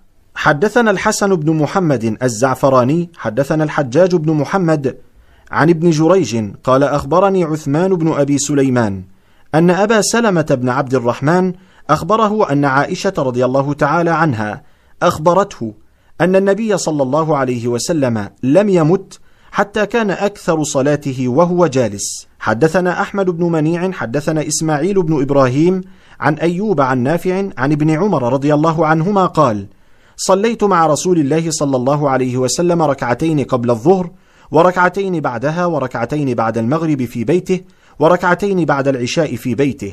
حدثنا أحمد بن منيع حدثنا إسماعيل بن إبراهيم حدثنا أيوب عن نافع عن ابن عمر رضي الله عنهما قال قال ابن عمر حدثتني حفصة أن رسول الله صلى الله عليه وسلم كان يصلي ركعتين حين يطلع الفجر وينادي المنادي. قال أيوب وأراه قال خفيفتين. حدثنا قتيبة بن سعيد حدثنا مروان بن معاوية الفزاري عن جعفر بن برقان عن ميمون بن مهران عن ابن عمر رضي الله عنهما قال حفظت من رسول الله صلى الله عليه وسلم ثماني ركعات ركعتين قبل الظهر وركعتين بعدها وركعتين بعد المغرب وركعتين بعد العشاء. قال ابن عمر وحدثتني حفصة بركعتي الغداة ولم أكن أراهما من النبي صلى الله عليه وسلم. حدثنا أبو سلمة يحيى بن خلف حدثنا بشر بن المفضل عن خالد الحذاء عن عبد الله بن شقيق قال سألت عائشة رضي الله عنها عن صلاة النبي صلى الله عليه وسلم قالت كان يصلي قبل الظهر ركعتين وبعدها ركعتين وبعد المغرب ركعتين وبعد العشاء ركعتين وقبل الفجر ثنتين. حدثنا محمد بن المثنى حدثنا محمد بن جعفر حدثنا شعبة عن أبي إسحاق قال سمعت عاصم ابن ضمرة يقول سألنا عليا كرم الله وجهه عن صلاة رسول الله صلى الله عليه وسلم من النهار. قال فقال إنكم لا تطيقون ذلك. قال فقلنا من أطاق ذلك منا صلى. فقال كان إذا كانت الشمس منها هنا كهيئتها منها هنا عند العصر صلى ركعتين. وإذا كانت الشمس منها هنا كهيئتها منها هنا عند الظهر صلى أربعا ويصلي قبل الظهر أربعا وبعدها ركعتين وقبل العصر أربعا يفصل بين كل ركعتين بالتسليم على الملائكة المقربين والنبيين ومن تبعهم من المؤمنين والمسلمين. باب صلاة الضحى وفيه تسعة أحاديث. الحديث التاسع والثمانون بعد المئة الثانية. حدثنا محمود بن غيلان حدثنا أبو داود الطيالسي أنبأنا شعبة عن يزيد الرشك قال سمعت معاذة قالت قلت لعائشة رضي الله تعالى عنها أكان النبي صلى الله عليه وسلم يصلي الضحى؟ قالت نعم. أربع ركعات ويزيد ما شاء الله عز وجل. الحديث التسعون بعد المئتين. حدثنا محمد بن المثنى حدثني حكيم بن معاوية الزيادي حدثنا زياد بن عبيد الله ابن الربيع الزيادي عن حميد الطويل عن أنس بن مالك أن النبي صلى الله عليه وسلم كان يصلي الضحى ست ركعات. الحديث الحادي والتسعون بعد المئتين. حدثنا محمد بن المثنى حدثنا محمد بن جعفر أنبأنا شعبة عن عمرو بن مرة عن عبد الرحمن بن أبي ليلى قال ما أخبرني أحد أنه رأى النبي صلى الله عليه وسلم يصلي الضحى إلا أم هانئ رضي الله تعالى عنها فإنها حدثت أن رسول الله صلى الله عليه وسلم دخل بيتها يوم فتح مكة فاغتسل فسبح ثمان ركعات ما رأيته صلى الله عليه وسلم صلى صلاة قط أخف منها غير أنه كان يتم الركوع والسجود. الحديث الثاني والتسعون بعد المئة الثانية حدثنا ابن أبي عمر حدثنا وكيع حدثنا كهمس بن الحسن عن عبد الله بن شقيق قال قلت لعائشة رضي الله تعالى عنها أكان النبي صلى الله عليه وسلم يصلي الضحى؟ قالت لا إلا أن يجيء من مغيبه. الحديث الثالث والتسعون بعد المئة الثانية. حدثنا زياد بن أيوب البغدادي. حدثنا محمد بن ربيعة عن فضيل بن مرزوق عن عطية عن أبي سعيد الخدري رضي الله تعالى عنه. قال كان النبي صلى الله عليه وسلم يصلي الضحى حتى نقول لا يدعها ويدعها حتى نقول لا يصليها. الحديث الرابع والتسعون بعد المئة الثانية. حدثنا أحمد بن منيع عن هشيم أنبأنا عبيدة عن إبراهيم عن سهم بن منجاب عن قرثع الضبي أو عن قزعة عن قرثع عن أبي أيوب الأنصاري رضي الله تعالى عنه أن النبي صلى الله عليه وسلم كان يدمن أربع ركعات عند زوال الشمس فقلت يا رسول الله إنك تدمن هذه الأربع الركعات عند زوال الشمس فقال إن أبواب السماء تفتح عند زوال الشمس فلا ترتج حتى تصلى الظهر فأحب أن يصعد لي في تلك الساعة خير قلت أفي كلهن قراءة؟ قال نعم قلت هل فيهن تسليم فاصل؟ قال لا الحديث الخامس والتسعون بعد المئة الثانية. حدثنا أحمد بن منيع حدثنا أبو معاوية حدثنا عبيدة عن إبراهيم عن سهم بن منجاب عن قزعة عن قرثع عن أبي أيوب الأنصاري رضي الله تعالى عنه عن النبي صلى الله عليه وسلم نحوه. الحديث السادس والتسعون بعد المئة الثانية. حدثنا محمد بن المثنى أنبأنا أبو داود حدثنا محمد بن مسلم ابن أبي الوضاح عن عبد الكريم الجزري عن مجاهد عن عبد الله بن السائب أن رسول الله صلى الله عليه وسلم كان يصلي أربعا بعد أن تزول الشمس قبل الظهر وقال إنها ساعة تفتح فيها أبواب السماء فأحب أن يصعد لي فيها عمل صالح. الحديث السابع والتسعون بعد المئة الثانية. حدثنا أبو سلمة يحيى بن خلف حدثنا عمر بن علي المقدمي عن مسعر بن كدام عن أبي إسحاق عن عاصم بن ضمرة عن علي أنه كان يصلي قبل الظهر أربعة وذكر أن النبي صلى الله عليه وسلم كان يصليها عند الزوال ويمد فيها. باب صلاة التطوع في البيت. الحديث الثامن والتسعون بعد المئة الثانية. حدثنا عباس العنبري حدثنا عبد الرحمن ابن مهدي عن معاوية ابن صالح عن العلاء بن الحارث عن حرام بن معاوية عن عمه عبد الله بن سعد قال سألت رسول الله صلى الله عليه وسلم عن الصلاة في بيتي والصلاة في المسجد. قال قد ترى ما أقرب بيتي من المسجد فلأن أصلي في بيتي أحب إلي من أن أصلي في المسجد إلا أن تكون صلاة مكتوبة. باب ما جاء في صوم رسول الله صلى الله عليه وسلم وفيه ستة عشر حديثا. الحديث التاسع والتسعون بعد المئة الثانية. حدثنا قتيبة بن سعيد حدثنا حماد بن زيد عن أيوب عن عبد الله بن شقيق قال سألت عائشة رضي الله تعالى عنها عن صيام رسول الله صلى الله عليه وسلم قالت كان يصوم حتى نقول قد صام ويفطر حتى نقول قد أفطر قالت وما صام رسول الله صلى الله عليه وسلم شهرا كاملا منذ قدم إلا رمضان. الحديث الثلاثمائة. حدثنا علي بن حجر حدثنا إسماعيل بن جعفر عن حميد عن أنس بن مالك أنه سئل عن صوم النبي صلى الله عليه وسلم فقال كان يصوم من الشهر حتى نرى الا يريد أن يفطر منه ويفطر منه حتى نرى الا يريد أن يصوم منه شيئا. وكنت لا تشاء أن تراه من الليل مصليا إلا رأيته مصليا ولا نائما إلا رأيته نائما. الحديث الأول بعد المئة الثالثة. حدثنا محمود بن غيلان حدثنا أبو داود حدثنا شعبة. عن أبي بشر قال سمعت سعيد بن جبير عن ابن عباس قال كان النبي صلى الله عليه وسلم يصوم حتى نقول ما يريد أن يفطر منه ويفطر حتى نقول ما يريد أن يصوم منه. وما صام شهرا كاملا منذ قدم الا رمضان. الحديث الثاني بعد المئة الثالثة. حدثنا محمد بن بشار حدثنا عبد الرحمن ابن مهدي. عن سفيان عن منصور عن سالم بن أبي الجعد عن أبي سلمة عن أم سلمة قالت ما رأيت النبي صلى الله عليه وسلم يصوم شهرين متتابعين إلا شعبان ورمضان.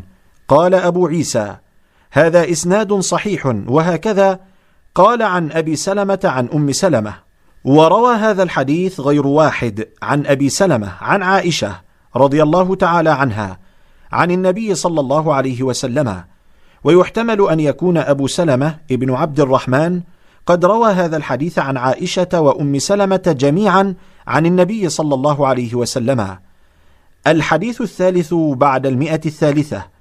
حدثنا هناد حدثنا عبده عن محمد بن عمرو حدثنا أبو سلمة عن عائشة قالت لم أرى رسول الله صلى الله عليه وسلم يصوم في شهر أكثر من صيامه لله في شعبان. كان يصوم شعبان إلا قليلا بل كان يصومه كله. الحديث الرابع بعد المئة الثالثة. حدثنا القاسم ابن دينار الكوفي. حدثنا عبيد الله ابن موسى وطلق بن غنام عن شيبان عن عاصم عن زر بن حبيش عن عبد الله قال كان رسول الله صلى الله عليه وسلم يصوم من غرة كل شهر ثلاثة أيام وقلما كان يفطر يوم الجمعة. الحديث الخامس بعد المئة الثالثة. حدثنا محمود بن غيلان حدثنا أبو داود أنبأنا شعبة عن يزيد الرشك قال سمعت معاذة قالت قلت لعائشة أكان النبي صلى الله عليه وسلم يصوم ثلاثة أيام من كل شهر؟ قالت نعم قلت. من أيه كان يصوم؟ قالت كان لا يبالي من أيه صام. قال أبو عيسى يزيد الرشك. هو يزيد الضبعي البصري وهو ثقة. روى عنه شعبة وعبد الوارث بن سعيد وحماد بن زيد وإسماعيل بن إبراهيم وغير واحد من الأئمة. وهو يزيد القاسم ويقال القسام. والرشك بلغة أهل البصرة هو القسام. الحديث السادس بعد المئة الثالثة. حدثنا أبو حفص عمرو بن علي حدثنا عبد الله بن داود عن ثور بن يزيد عن خالد بن معدان عن ربيعة الجرشي عن عائشة قالت كان النبي صلى الله عليه وسلم يتحرى صوم الاثنين والخميس. الحديث السابع بعد المئة الثالثة. حدثنا أبو مصعب المديني عن مالك بن أنس عن أبي النضر عن أبي سلمة ابن عبد الرحمن عن عائشة قالت ما كان رسول الله صلى الله عليه وسلم يصوم في شهر أكثر من صيامه في شعبان. الحديث الثامن بعد المئة الثالثة. حدثنا محمد بن يحيى حدثنا أبو عاصم عن محمد بن رفاعة عن سهيل بن أبي صالح عن أبيه عن أبي هريرة أن النبي صلى الله عليه وسلم قال تعرض الأعمال يوم الاثنين والخميس فأحب أن يعرض عملي وأنا صائم. الحديث التاسع بعد المئة الثالثة. حدثنا محمود بن غيلان حدثنا أبو أحمد ومعاوية بن هشام. قال حدثنا سفيان عن منصور عن خيثمة عن عائشة قالت كان رسول الله صلى الله عليه وسلم يصوم من الشهر السبت والأحد والاثنين ومن الشهر الآخر الثلاثاء والأربعاء والخميس. الحديث العاشر بعد المئة الثالثة. حدثنا هارون بن إسحاق الهمداني. أنبأنا عبدة بن سليمان عن هشام بن عروة عن أبيه عن عائشة قالت كان عاشوراء يوما تصومه قريش في الجاهلية وكان رسول الله صلى الله عليه وسلم يصومه. فلما قدم المدينة صامه وأمر بصيامه. فلما افترض رمضان كان رمضان هو الفريضة وترك عاشوراء فمن شاء صامه ومن شاء تركه. الحديث الحادي عشر بعد المئة الثالثة. حدثنا محمد بن بشار حدثنا عبد الرحمن ابن مهدي حدثنا سفيان عن منصور عن إبراهيم عن علقمة قال سألت عائشة رضي الله عنها أكان رسول الله صلى الله عليه وسلم يخص من الأيام شيئا؟ قالت كان عمله ديمة. وأيكم يطيق ما كان رسول الله صلى الله عليه وسلم يطيق. الحديث الثاني عشر بعد المئة الثالثة. حدثنا هارون بن إسحاق أنبأنا عبدة عن هشام بن عروة عن أبيه عن عائشة قالت دخل علي رسول الله صلى الله عليه وسلم وعندي امرأة فقال من هذه؟ قلت فلانة لا تنام الليل. فقال رسول الله صلى الله عليه وسلم عليكم من الأعمال ما تطيقون. فوالله لا يمل الله حتى تملوا. وكان أحب ذلك إلى رسول الله صلى الله عليه وسلم الذي يدوم عليه صاحبه. الحديث الثالث عشر بعد المئة الثالثة. حدثنا أبو هشام محمد بن يزيد الرفاعي. حدثنا ابن فضيل عن الأعمش عن أبي صالح قال سألت عائشة وأم سلمة أي العمل كان أحب إلى رسول الله صلى الله عليه وسلم؟ قالتا ما ديم عليه وإن قل. الحديث الرابع عشر بعد المئة الثالثة. حدثنا محمد بن إسماعيل حدثنا عبد الله بن صالح حدثني معاوية بن صالح عن عمرو بن قيس أنه سمع عاصم بن حميد قال سمعت عوف بن مالك يقول كنت مع رسول الله صلى الله عليه وسلم ليلة فاستاك ثم توضأ ثم قام يصلي فقمت معه فبدأ فاستفتح البقرة فلا يمر بآية رحمة إلا وقف فسأل ولا يمر بآية عذاب إلا وقف فتعوذ ثم ركع فمكث راكعا بقدر قيامه ويقول في ركوعه سبحان ذي الجبروت والملكوت والكبرياء والعظمة ثم سجد بقدر ركوعه ويقول في سجوده سبحان ذي الجبروت والملكوت والكبرياء والعظمة ثم قرأ آل عمران ثم سورة سورة يفعل مثل ذلك. باب ما جاء في قراءة رسول الله صلى الله عليه وسلم. وفيه ثمانية أحاديث. الحديث الخامس عشر بعد المئة الثالثة. حدثنا قتيبة بن سعيد حدثنا الليث عن ابن أبي مليكة عن يعلى بن مملك أنه سأل أم سلمة عن قراءة رسول الله صلى الله عليه وسلم فإذا هي تنعت قراءة مفسرة حرفا حرفا. الحديث السادس عشر بعد المئة الثالثة. حدثنا محمد بن بشار حدثنا وهب بن جرير بن حازم. حدثنا أبي عن قتادة قال قلت لأنس بن مالك كيف كانت قراءة رسول الله صلى الله عليه وسلم؟ قال مدا. الحديث السابع عشر بعد المئة الثالثة. حدثنا علي بن حجر. حدثنا يحيى بن سعيد الأموي عن ابن جريج عن ابن أبي مليكة عن أم سلمة قالت كان النبي صلى الله عليه وسلم يقطع قراءته يقول الحمد لله رب العالمين ثم يقف ثم يقول الرحمن الرحيم ثم يقف وكان يقرأ مالك يوم الدين الحديث الثامن عشر بعد المئة الثالثة. حدثنا قتيبة بن سعيد حدثنا الليث عن معاوية بن صالح عن عبد الله بن أبي قيس قال سألت عائشة رضي الله عنها عن قراءة النبي صلى الله عليه وسلم أكان يسر بالقراءة أم يجهر؟ قالت كل ذلك قد كان يفعل. قد كان ربما أسر وربما جهر. فقلت الحمد لله الذي جعل في الأمر سعة. الحديث التاسع عشر بعد المئة الثالثة. حدثنا محمود بن غيلان حدثنا وكيع حدثنا مسعر عن أبي العلاء العبدي عن يحيى بن جعدة عن أم هانئ قالت كنت أسمع قراءة النبي صلى الله عليه وسلم بالليل وأنا على عريشي. الحديث العشرون بعد المئة الثالثة. حدثنا محمود بن غيلان حدثنا أبو داود أنبأنا شعبة عن معاوية بن قرة قال: سمعت عبد الله بن مغفل يقول: رأيت النبي صلى الله عليه وسلم على ناقته يوم الفتح وهو يقرأ: إنا فتحنا لك فتحا مبينا. ليغفر لك الله ما تقدم من ذنبك وما تأخر. قال: فقرأ ورجع، قال: وقال معاوية بن قرة: لولا أن يجتمع الناس علي لأخذت لكم في ذلك الصوت أو قال اللحن. الحديث الحادي والعشرون بعد المئة الثالثة. حدثنا قتيبة بن سعيد حدثنا نوح بن قيس الحداني عن حسام بن مصك عن قتادة قال ما بعث الله نبيا إلا حسن الوجه حسن الصوت. وكان نبيكم صلى الله عليه وسلم حسن الوجه حسن الصوت وكان لا يرجع. الحديث الثاني والعشرون بعد المئة الثالثة.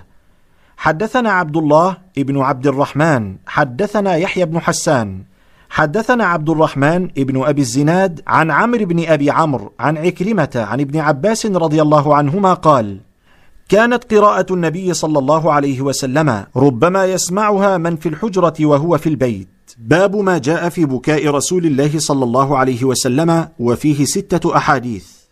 الحديث الثالث والعشرون بعد المئة الثالثة. حدثنا سويد بن نصر أنبأنا عبد الله بن المبارك عن حماد بن سلمة عن ثابت عن مطرف وهو ابن عبد الله ابن الشخير عن أبيه قال أتيت رسول الله صلى الله عليه وسلم وهو يصلي ولجوفه أزيز كأزيز المرجل من البكاء. الحديث الرابع والعشرون بعد المئة الثالثة. حدثنا محمود بن غيلان حدثنا معاوية بن هشام حدثنا سفيان عن الأعمش عن إبراهيم عن عبيدة عن عبد الله بن مسعود رضي الله عنه قال قال لي رسول الله صلى الله عليه وسلم اقرأ علي. فقلت يا رسول الله أقرأ عليك وعليك أنزل. قال إني أحب أن أسمعه من غيري. فقرأت سورة النساء حتى بلغت وجئنا بك على هؤلاء شهيدا. قال فرأيت عيني رسول الله صلى الله عليه وسلم تهملان. الحديث الخامس والعشرون بعد المئة الثالثة. حدثنا قتيبة حدثنا جرير عن عطاء بن السائب عن أبيه عن عبد الله بن عمرو قال انكسفت الشمس يوما على عهد رسول الله صلى الله عليه وسلم فقام رسول الله صلى الله عليه وسلم يصلي حتى لم يكد يركع ثم ركع فلم يكد يرفع رأسه ثم رفع رأسه فلم يكد أن يسجد ثم سجد فلم يكد أن يرفع رأسه ثم رفع رأسه فلم يكد أن يسجد ثم سجد فلم يكد أن يرفع رأسه فجعل ينفخ ويبكي ويقول رب ألم تعدني ألا تعذبهم وأنا فيهم؟ رب ألم تعدني ألا تعذبهم وهم يستغفرون ونحن نستغفرك؟ فلما صلى ركعتين انجلت الشمس فقام فحمد الله تعالى وأثنى عليه ثم قال إن الشمس والقمر آيتان من آيات الله لا ينكسفان لموت أحد ولا لحياته فإذا انكسف فافزعوا إلى ذكر الله تعالى. الحديث السادس والعشرون بعد المئة الثالثة. حدثنا محمود بن غيلان حدثنا أبو أحمد حدثنا سفيان عن عطاء بن السائب عن عكرمة عن ابن عباس قال أخذ رسول الله صلى الله عليه وسلم ابنة له تقضي فاحتضنها فوضعها بين يديه فماتت وهي بين يديه وصاحت أم أيمن فقال يعني النبي صلى الله عليه وسلم أتبكين عند رسول الله صلى الله عليه وسلم؟ فقالت ألست أراك تبكي؟ قال إني لست أبكي إنما هي رحمة. إن المؤمن بكل خير على كل حال. إن نفسه تنزع من بين جنبيه وهو يحمد الله عز وجل. الحديث السابع والعشرون بعد المئة الثالثة. حدثنا محمد بن بشار حدثنا عبد الرحمن بن مهدي حدثنا سفيان عن عاصم بن عبيد الله عن القاسم بن محمد عن عائشة رضي الله عنها أن رسول الله صلى الله عليه وسلم قبل عثمان بن مضعون وهو ميت وهو يبكي أو قال عيناه تهرقان. الحديث الثامن والعشرون بعد المئة الثالثة. حدثنا إسحاق بن منصور أنبأنا أبو عامر. حدثنا فليح وهو ابن سليمان عن هلال بن علي عن أنس بن مالك قال شهدنا ابنة لرسول الله صلى الله عليه وسلم ورسول الله صلى الله عليه وسلم جالس على القبر فرأيت عينيه تدمعان فقال أفيكم رجل لم يقارف الليلة؟ قال أبو طلحة أنا. قال انزل. فنزل في قبرها. باب ما جاء في فراش رسول الله صلى الله عليه وسلم وفيه حديثان الحديث التاسع والعشرون بعد المئة الثالثة. حدثنا علي بن حجر أنبأنا علي بن مسهر عن هشام بن عروة عن أبيه عن عائشة رضي الله عنها قالت إنما كان فراش رسول الله صلى الله عليه وسلم الذي ينام عليه من أدم حشوه ليف. الحديث الثلاثون بعد المئة الثالثة. حدثنا أبو الخطاب زياد بن يحيى البصري. حدثنا عبد الله ابن ميمون. أنبأنا جعفر بن محمد عن أبيه قال سئلت عائشة ما كان فراش رسول الله صلى الله عليه وسلم في بيتك؟ قالت من أدم حشوه من ليف. وسئلت حفصة ما كان فراش رسول الله صلى الله عليه وسلم في بيتك؟ قالت مسحا نثنيه ثنيتين فينام عليه. فلما كان ذات ليلة قلت لو ثنيته أربع ثنيات لكان أوطأ له. فثنيناه له بأربع ثنيات فلما أصبح قال ما فرشتم لي الليلة؟ قالت قلنا هو فراشك إلا أن ثنيناه بأربع ثنيات. قلنا هو أوطأ لك. قال ردوه لحالته الأولى فإنه منعتني وط باب ما جاء في تواضع رسول الله صلى الله عليه وسلم وفيه ثلاثة عشر حديثا. الحديث الحادي والثلاثون بعد المئة الثالثة. حدثنا أحمد بن منيع وسعيد بن عبد الرحمن المخزومي وغير واحد قالوا أنبأنا سفيان بن عيينة عن الزهري عن عبيد الله عبد الله بن عباس عن عمر بن الخطاب قال قال رسول الله صلى الله عليه وسلم لا تطروني كما أطرت النصارى عيسى بن مريم إنما أنا عبد فقولوا عبد الله ورسوله. الحديث الثاني والثلاثون بعد المئة الثالثة. حدثنا علي بن حجر أنبأنا سويد بن عبد العزيز عن حميد عن أنس بن مالك رضي الله عنه أن امرأة جاءت إلى النبي صلى الله عليه وسلم فقالت له إن لي إليك حاجة. فقال اجلسي في أي طريق المدينة شئت أجلس إليك. الحديث الثالث والثلاثون بعد المئة الثالثة. حدثنا علي بن حجر أنبأنا علي بن مسهر عن مسلم الأعور عن أنس بن مالك رضي الله تعالى عنه قال كان رسول الله صلى الله عليه وسلم يعود المرضى ويشهد الجنائز ويركب الحمار ويجيب دعوة العبد وكان يوم بني قريظة على حمار مخطوم بحبل من ليف وعليه إكاف من ليف. الحديث الرابع والثلاثون بعد المئة الثالثة. حدثنا واصل بن عبد الأعلى الكوفي حدثنا محمد بن فضيل عن الأعمش عن أنس بن مالك رضي الله عنه قال كان رسول الله صلى الله عليه وسلم يدعى إلى خبز الشعير والإهالة السنخة فيجيب ولقد كان له درع عند يهودي فما وجد ما يفكها حتى مات. الحديث الخامس والثلاثون بعد المئة الثالثة. حدثنا محمود بن غيلان حدثنا أبو داود الحفري عن سفيان عن الربيع بن صبيح عن يزيد بن أبان عن أنس بن مالك رضي الله عنه قال حج رسول الله صلى الله عليه وسلم على رحل رث وعليه قطيفة لا تساوي أربعة دراهم. فقال اللهم اجعله حجا لا رياء فيه ولا سمعة. الحديث السادس والثلاثون بعد المئة الثالثة. حدثنا عبد الله بن عبد الرحمن أنبأنا عفان أنبأنا حماد بن سلمة. عن حميد عن أنس بن مالك رضي الله عنه قال لم يكن شخص أحب إليهم من رسول الله صلى الله عليه وسلم. قال وكانوا إذا رأوه لم يقوموا لما يعلمون من كراهته لذلك. الحديث السابع والثلاثون بعد المئة الثالثة. حدثنا سفيان بن وكيع حدثنا جميع بن عمر ابن عبد الرحمن العجلي حدثني رجل من بني تميم من ولد أبي هالة زوج خديجة يكنى أبا عبد الله عن ابن لأبي هالة عن الحسن بن علي قال سألت خالي هند بن أبي هالة وكان وصافا عن حلية النبي صلى الله عليه وسلم وأنا أشتهي أن يصف لي منها شيئا. فقال كان رسول الله صلى الله عليه وسلم فخما مفخما يتلألأ وجهه تلألؤ القمر ليلة البدر فذكر الحديث بطوله. قال الحسن فكتمتها الحسين زمانا ثم حدثته فوجدته قد سبقني إليه فسأله عما سألته عنه ووجدته قد سأل أباه عن مدخله وعن مخرجه وشكله فلم يدع منه شيئا.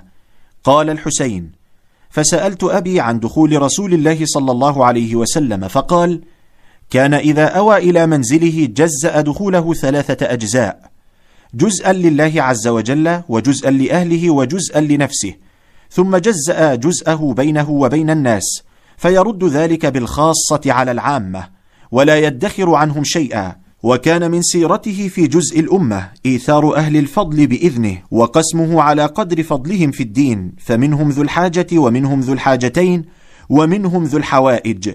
فيتشاغل بهم ويشغلهم فيما يصلحهم والأمة من مساءلتهم عنه وإخبارهم بالذي ينبغي لهم ويقول ليبلغ الشاهد منكم الغائب وأبلغوني حاجة من لا يستطيع إبلاغها فإنه من أبلغ سلطانا حاجة من لا يستطيع إبلاغها ثبت الله قدميه يوم القيامة ولا يذكر عنده إلا ذلك ولا يقبل من أحد غيره يدخلون روادا ولا يفترقون إلا عن ذواق ويخرجون أدلة يعني على الخير قال فسألته عن مخرجه كيف كان يصنع فيه قال كان رسول الله صلى الله عليه وسلم يخزن لسانه إلا فيما يعنيه ويؤلفهم ولا ينفرهم ويكرم كريم كل قوم ويوليه عليهم ويحذر الناس ويحترس منهم من غير أن يطوي عن أحد منهم بشره وخلقه. ويتفقد أصحابه ويسأل الناس عما في الناس ويحسن الحسن ويقويه ويقبح القبيح ويوهيه. معتدل الأمر غير مختلف لا يغفل مخافة أن يغفلوا أو يميلوا. لكل حال عنده عتاد لا يقصر عن الحق ولا يجاوزه.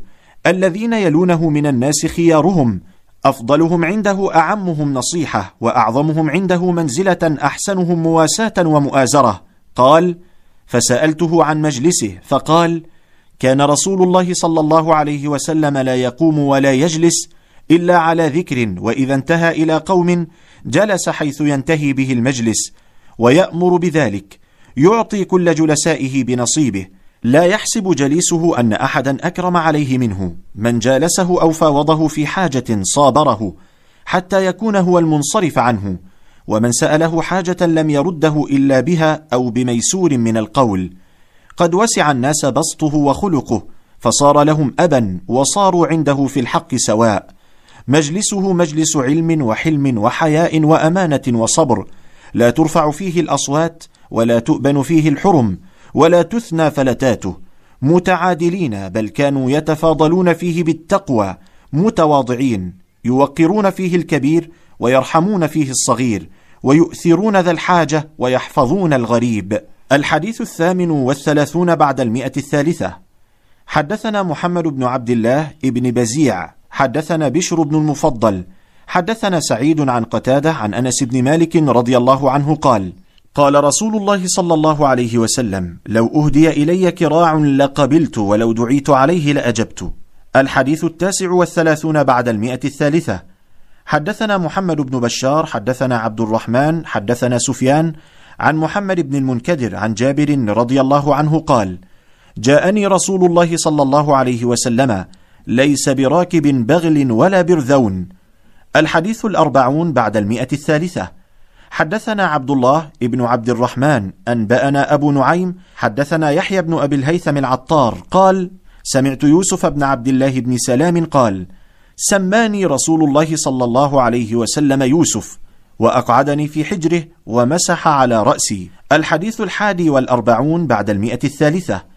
حدثنا إسحاق بن منصور حدثنا أبو داود الطيالسي أنبأنا الربيع وهو ابن صبيح حدثنا يزيد الرقاشي عن أنس بن مالك رضي الله عنه أن النبي صلى الله عليه وسلم حج على رحل رث وقطيفة كنا نرى ثمنها أربعة دراهم فلما استوت به راحلته قال لبيك بحجة لا سمعة فيها ولا رياء. الحديث الثاني والأربعون بعد المئة الثالثة. حدثنا إسحاق بن منصور حدثنا عبد الرزاق حدثنا معمر عن ثابت البناني وعاصم الأحول عن أنس بن مالك. أن رجلا خياطا دعا رسول الله صلى الله عليه وسلم فقرب منه ثريدا عليه دباء. قال فكان رسول الله صلى الله عليه وسلم يأخذ الدباء وكان يحب الدباء. قال ثابت فسمعت أنسا يقول فما صنع لي طعام أقدر على أن يصنع فيه دباء إلا صنع. الحديث الثالث والأربعون بعد المئة الثالثة. حدثنا محمد بن إسماعيل حدثنا عبد الله بن صالح حدثني معاوية بن صالح عن يحيى بن سعيد عن عمرة قالت قيل لعائشة ماذا كان يعمل رسول الله صلى الله عليه وسلم في بيته؟ قالت كان بشرا من البشر يفلي ثوبه ويحلب شاته ويخدم نفسه. باب ما جاء في خلق رسول الله صلى الله عليه وسلم وفيه خمسة عشر حديثا. الحديث الرابع والأربعون بعد المئة الثالثة. حدثنا عباس بن محمد الدوري حدثنا عبد الله ابن يزيد المقرئ حدثنا ليث بن سعد حدثني أبو عثمان الوليد بن أبي الوليد عن سليمان بن خارجة عن خارجة ابن زيد بن ثابت قال دخل نفر على زيد بن ثابت فقالوا له حدثنا أحاديث رسول الله صلى الله عليه وسلم قال ماذا أحدثكم؟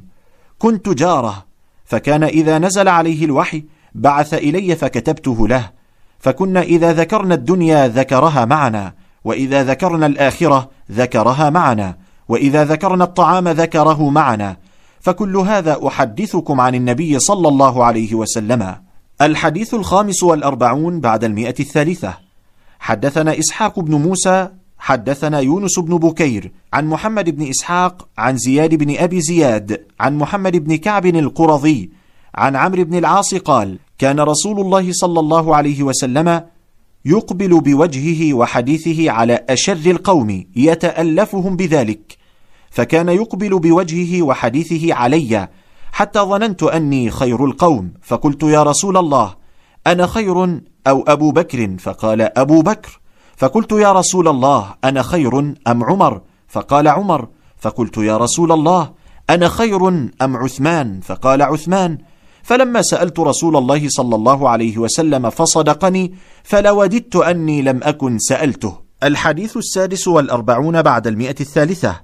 حدثنا قتيبة بن سعيد حدثنا جعفر بن سليمان الضبعي عن ثابت عن أنس بن مالك رضي الله عنه قال خدمت رسول الله صلى الله عليه وسلم عشر سنين فما قال لي أف قط وما قال لي لشيء صنعته لما صنعته. ولا لشيء تركته لما تركته. وكان رسول الله صلى الله عليه وسلم من أحسن الناس خلقا. ولا مسست خزا ولا حريرا ولا شيئا كان ألين من كف رسول الله صلى الله عليه وسلم. ولا شممت مسكا قط ولا عطرا كان أطيب من عرق رسول الله صلى الله عليه وسلم. الحديث السابع والأربعون بعد المئة الثالثة. حدثنا قتيبة بن سعيد وأحمد بن عبده هو الضبي والمعنى واحد. قال حدثنا حماد بن زيد عن سلم العلوي عن أنس بن مالك رضي الله عنه عن رسول الله صلى الله عليه وسلم أنه كان عنده رجل به أثر صفرة. قال وكان رسول الله صلى الله عليه وسلم لا يكاد يواجه أحدا بشيء يكرهه.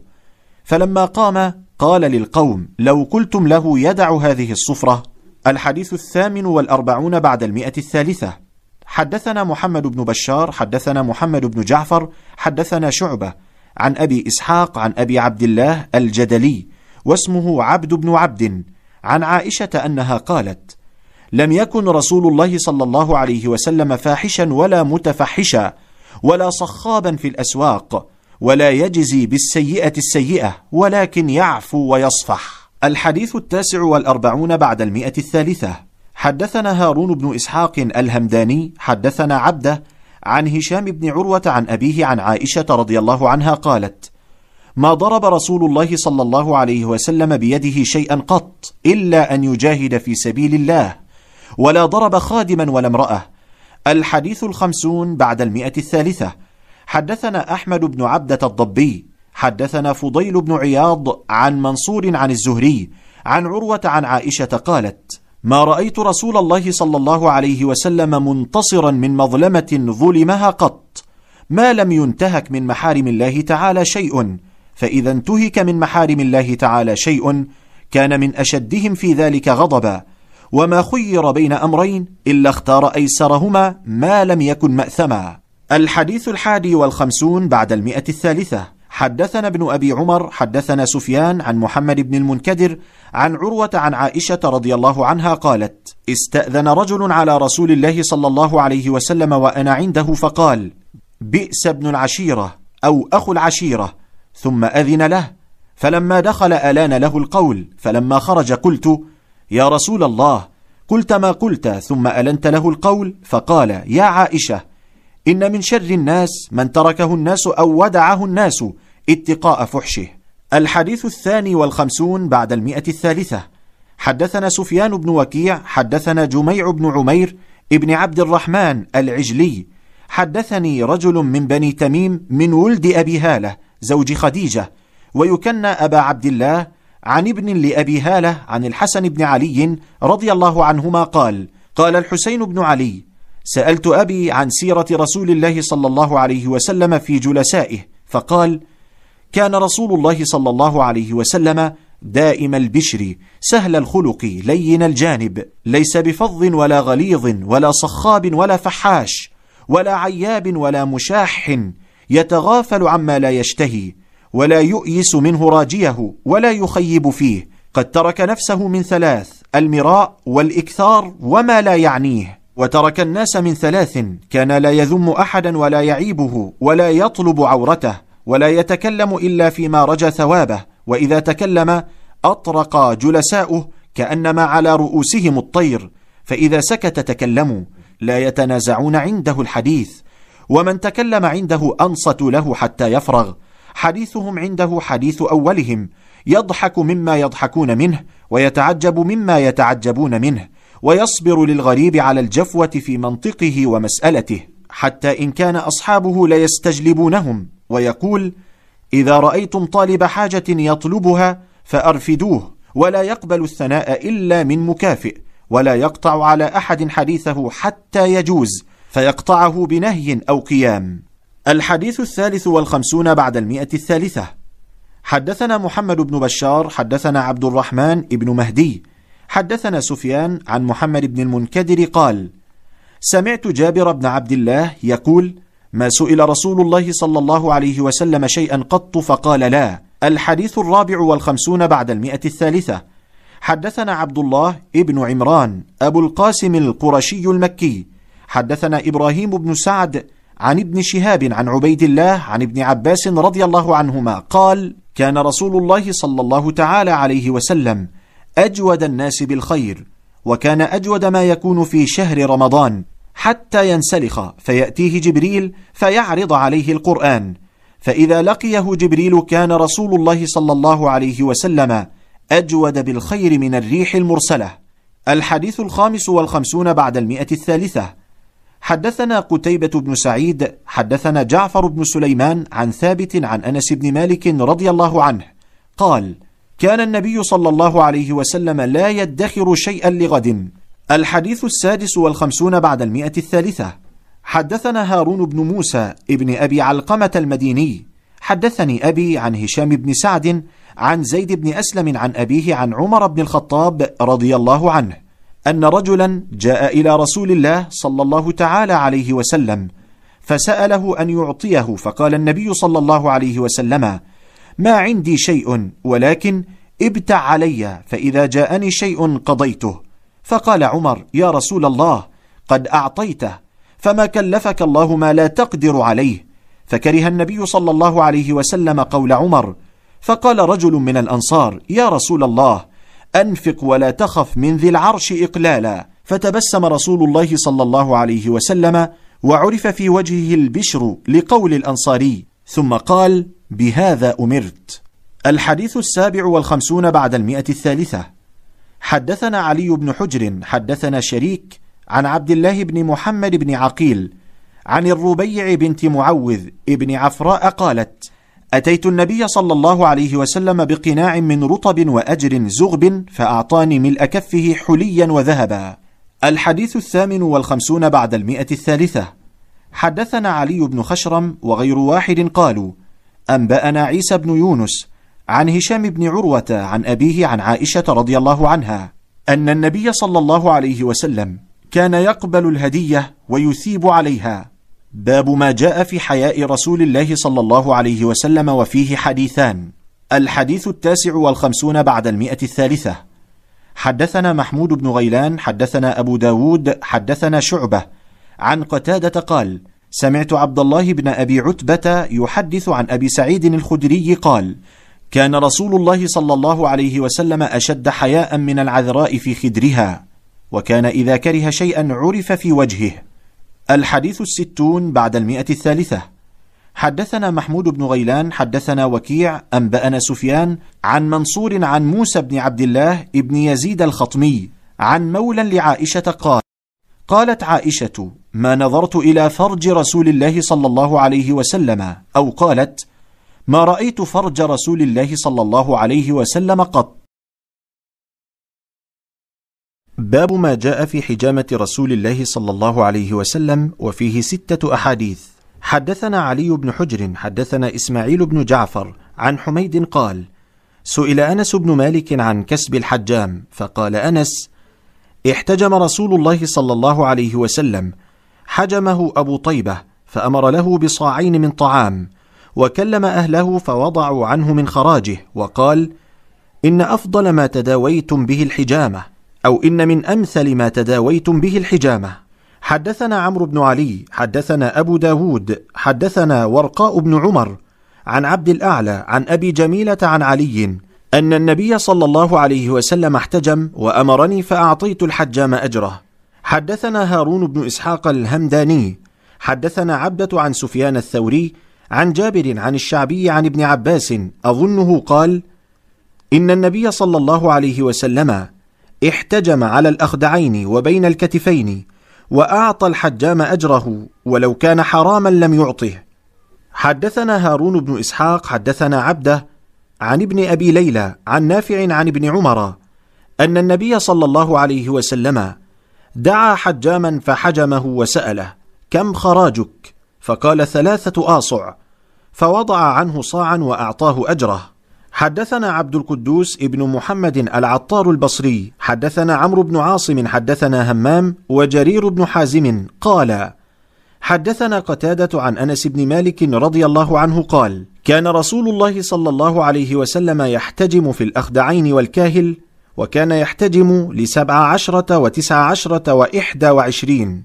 حدثنا إسحاق بن منصور أنبأنا عبد الرزاق عن معمر عن قتادة عن أنس بن مالك أن رسول الله صلى الله عليه وسلم احتجم وهو محرم بملل على ظهر القدم.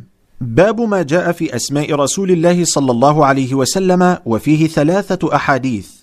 حدثنا سعيد بن عبد الرحمن المخزومي وغير واحد قالوا حدثنا سفيان عن الزهري عن محمد بن جبير بن مطعم عن أبيه قال قال رسول الله صلى الله عليه وسلم إن لي أسماء أنا محمد وأنا أحمد وأنا الماحي الذي يمحو الله بي الكفر وأنا الحاشر الذي يحشر الناس على قدمي وأنا العاقب الذي ليس بعده نبي. حدثنا محمد بن طريف الكوفي حدثنا أبو بكر بن عياش عن عاصم عن أبي وائل عن حذيفة قال لقيت النبي صلى الله عليه وسلم في بعض طرق المدينة فقال أنا محمد وأنا أحمد وأنا نبي الرحمة ونبي التوبة وأنا المقفي وأنا الحاشر ونبي الملاحم. حدثنا إسحاق بن منصور حدثنا النضر بن شميل أنبأنا حماد بن سلمة عن عاصم عن زر عن حذيفة عن النبي صلى الله عليه وسلم نحوه بمعناه. هكذا قال حماد بن سلمة عن عاصم عن زر عن حذيفة رضي الله عنه باب ما جاء في عيش النبي صلى الله عليه وسلم وفيه تسعة أحاديث. حدثنا قتيبة بن سعيد حدثنا أبو الأحوص عن سماك بن حرب قال سمعت النعمان بن بشير يقول ألستم في طعام وشراب ما شئتم؟ لقد رأيت نبيكم صلى الله عليه وسلم وما يجد من الدقل ما يملأ بطنه. حدثنا هارون بن إسحاق حدثنا عبده عن هشام بن عروة عن أبيه عن عائشة قالت إن كنا آل محمد نمكث شهرا ما نستوقد بنار إن هو إلا التمر والماء. حدثنا عبد الله ابن أبي زياد حدثنا سيار حدثنا سهل بن أسلم عن يزيد بن أبي منصور عن أنس عن أبي طلحة قال شكونا إلى رسول الله صلى الله عليه وسلم الجوع ورفعنا عن بطوننا عن حجر حجر فرفع رسول الله صلى الله عليه وسلم عن بطنه عن حجرين. قال أبو عيسى هذا حديث غريب من حديث أبي طلحة لا نعرفه إلا من هذا الوجه ومعنى قوله ورفعنا عن بطوننا عن حجر حجر قال كان أحدهم يشد في بطنه الحجر من الجهد والضعف الذي به من الجوع.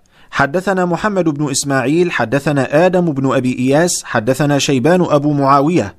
حدثنا عبد الملك بن عمير عن أبي سلمة بن عبد الرحمن عن أبي هريرة قال خرج النبي صلى الله عليه وسلم في ساعة لا يخرج فيها ولا يلقاه فيها أحد. فأتاه أبو بكر فقال ما جاء بك يا أبا بكر؟ قال خرجت ألقى رسول الله صلى الله عليه وسلم وأنظر في وجهه والتسليم عليه فلم يلبث أن جاء عمر. فقال ما جاء بك يا عمر؟ قال الجوع يا رسول الله. قال صلى الله عليه وسلم وأنا قد وجدت بعض ذلك. فانطلقوا إلى منزل أبي الهيثم بن التيهان الأنصاري وكان رجلا كثير النخيل والشجر والشاء. ولم يكن له خدم فلم يجدوه. فقالوا لامرأته أين صاحبك؟ فقالت انطلق يستعذب لنا الماء.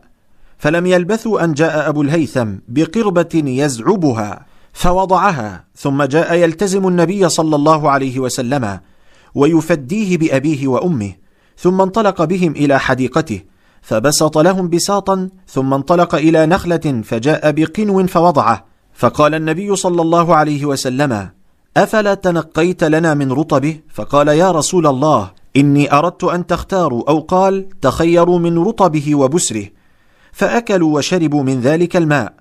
فقال النبي صلى الله عليه وسلم هذا والذي نفسي بيده من النعيم الذي تسألون عنه يوم القيامة ظل بارد ورطب طيب وماء بارد. فانطلق أبو الهيثم ليصنع لهم طعاما فقال النبي صلى الله عليه وسلم لا تذبحن لنا ذات در. فذبح لهم عناقا أو جديا فأتاهم بها فأكلوا.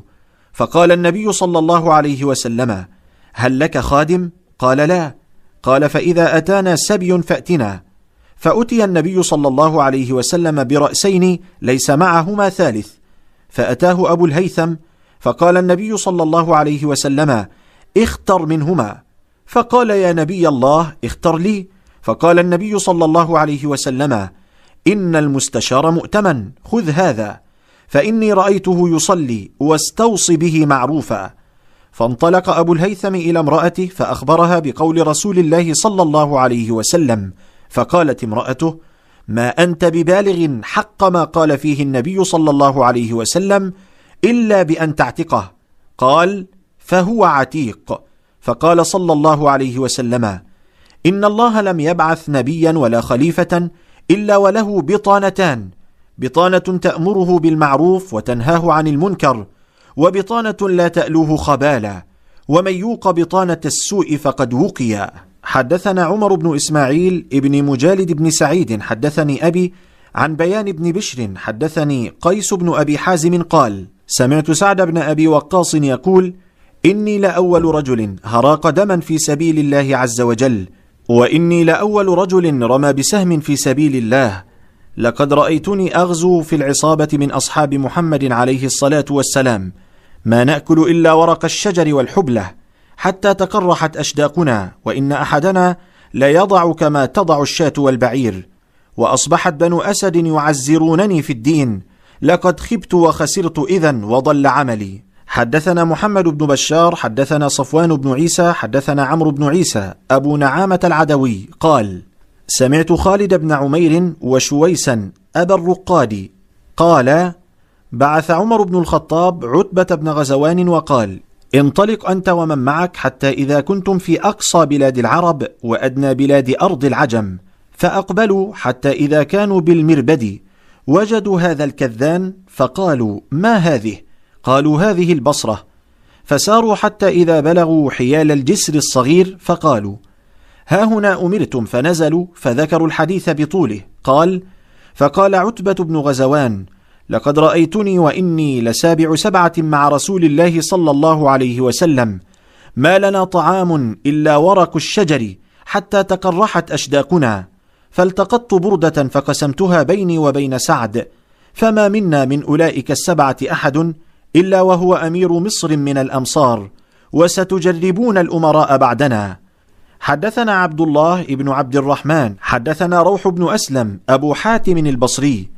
حدثنا حماد بن سلمة حدثنا ثابت عن أنس قال قال رسول الله صلى الله عليه وسلم لقد أخفت في الله وما يخاف أحد ولقد أوذيت في الله وما يؤذى أحد ولقد أتت علي ثلاثون من بين ليلة ويوم وما لي ولبلال طعام يأكله ذو كبد إلا شيء يواريه إبط بلال. حدثنا عبد الله بن عبد الرحمن أنبأنا عفان بن مسلم حدثنا أبان بن يزيد العطار حدثنا قتادة عن أنس بن مالك أن النبي صلى الله عليه وسلم لم يجتمع عنده غداء ولا عشاء من خبز ولحم إلا على ضفف. قال عبد الله قال بعضهم هو كثرة الأيدي.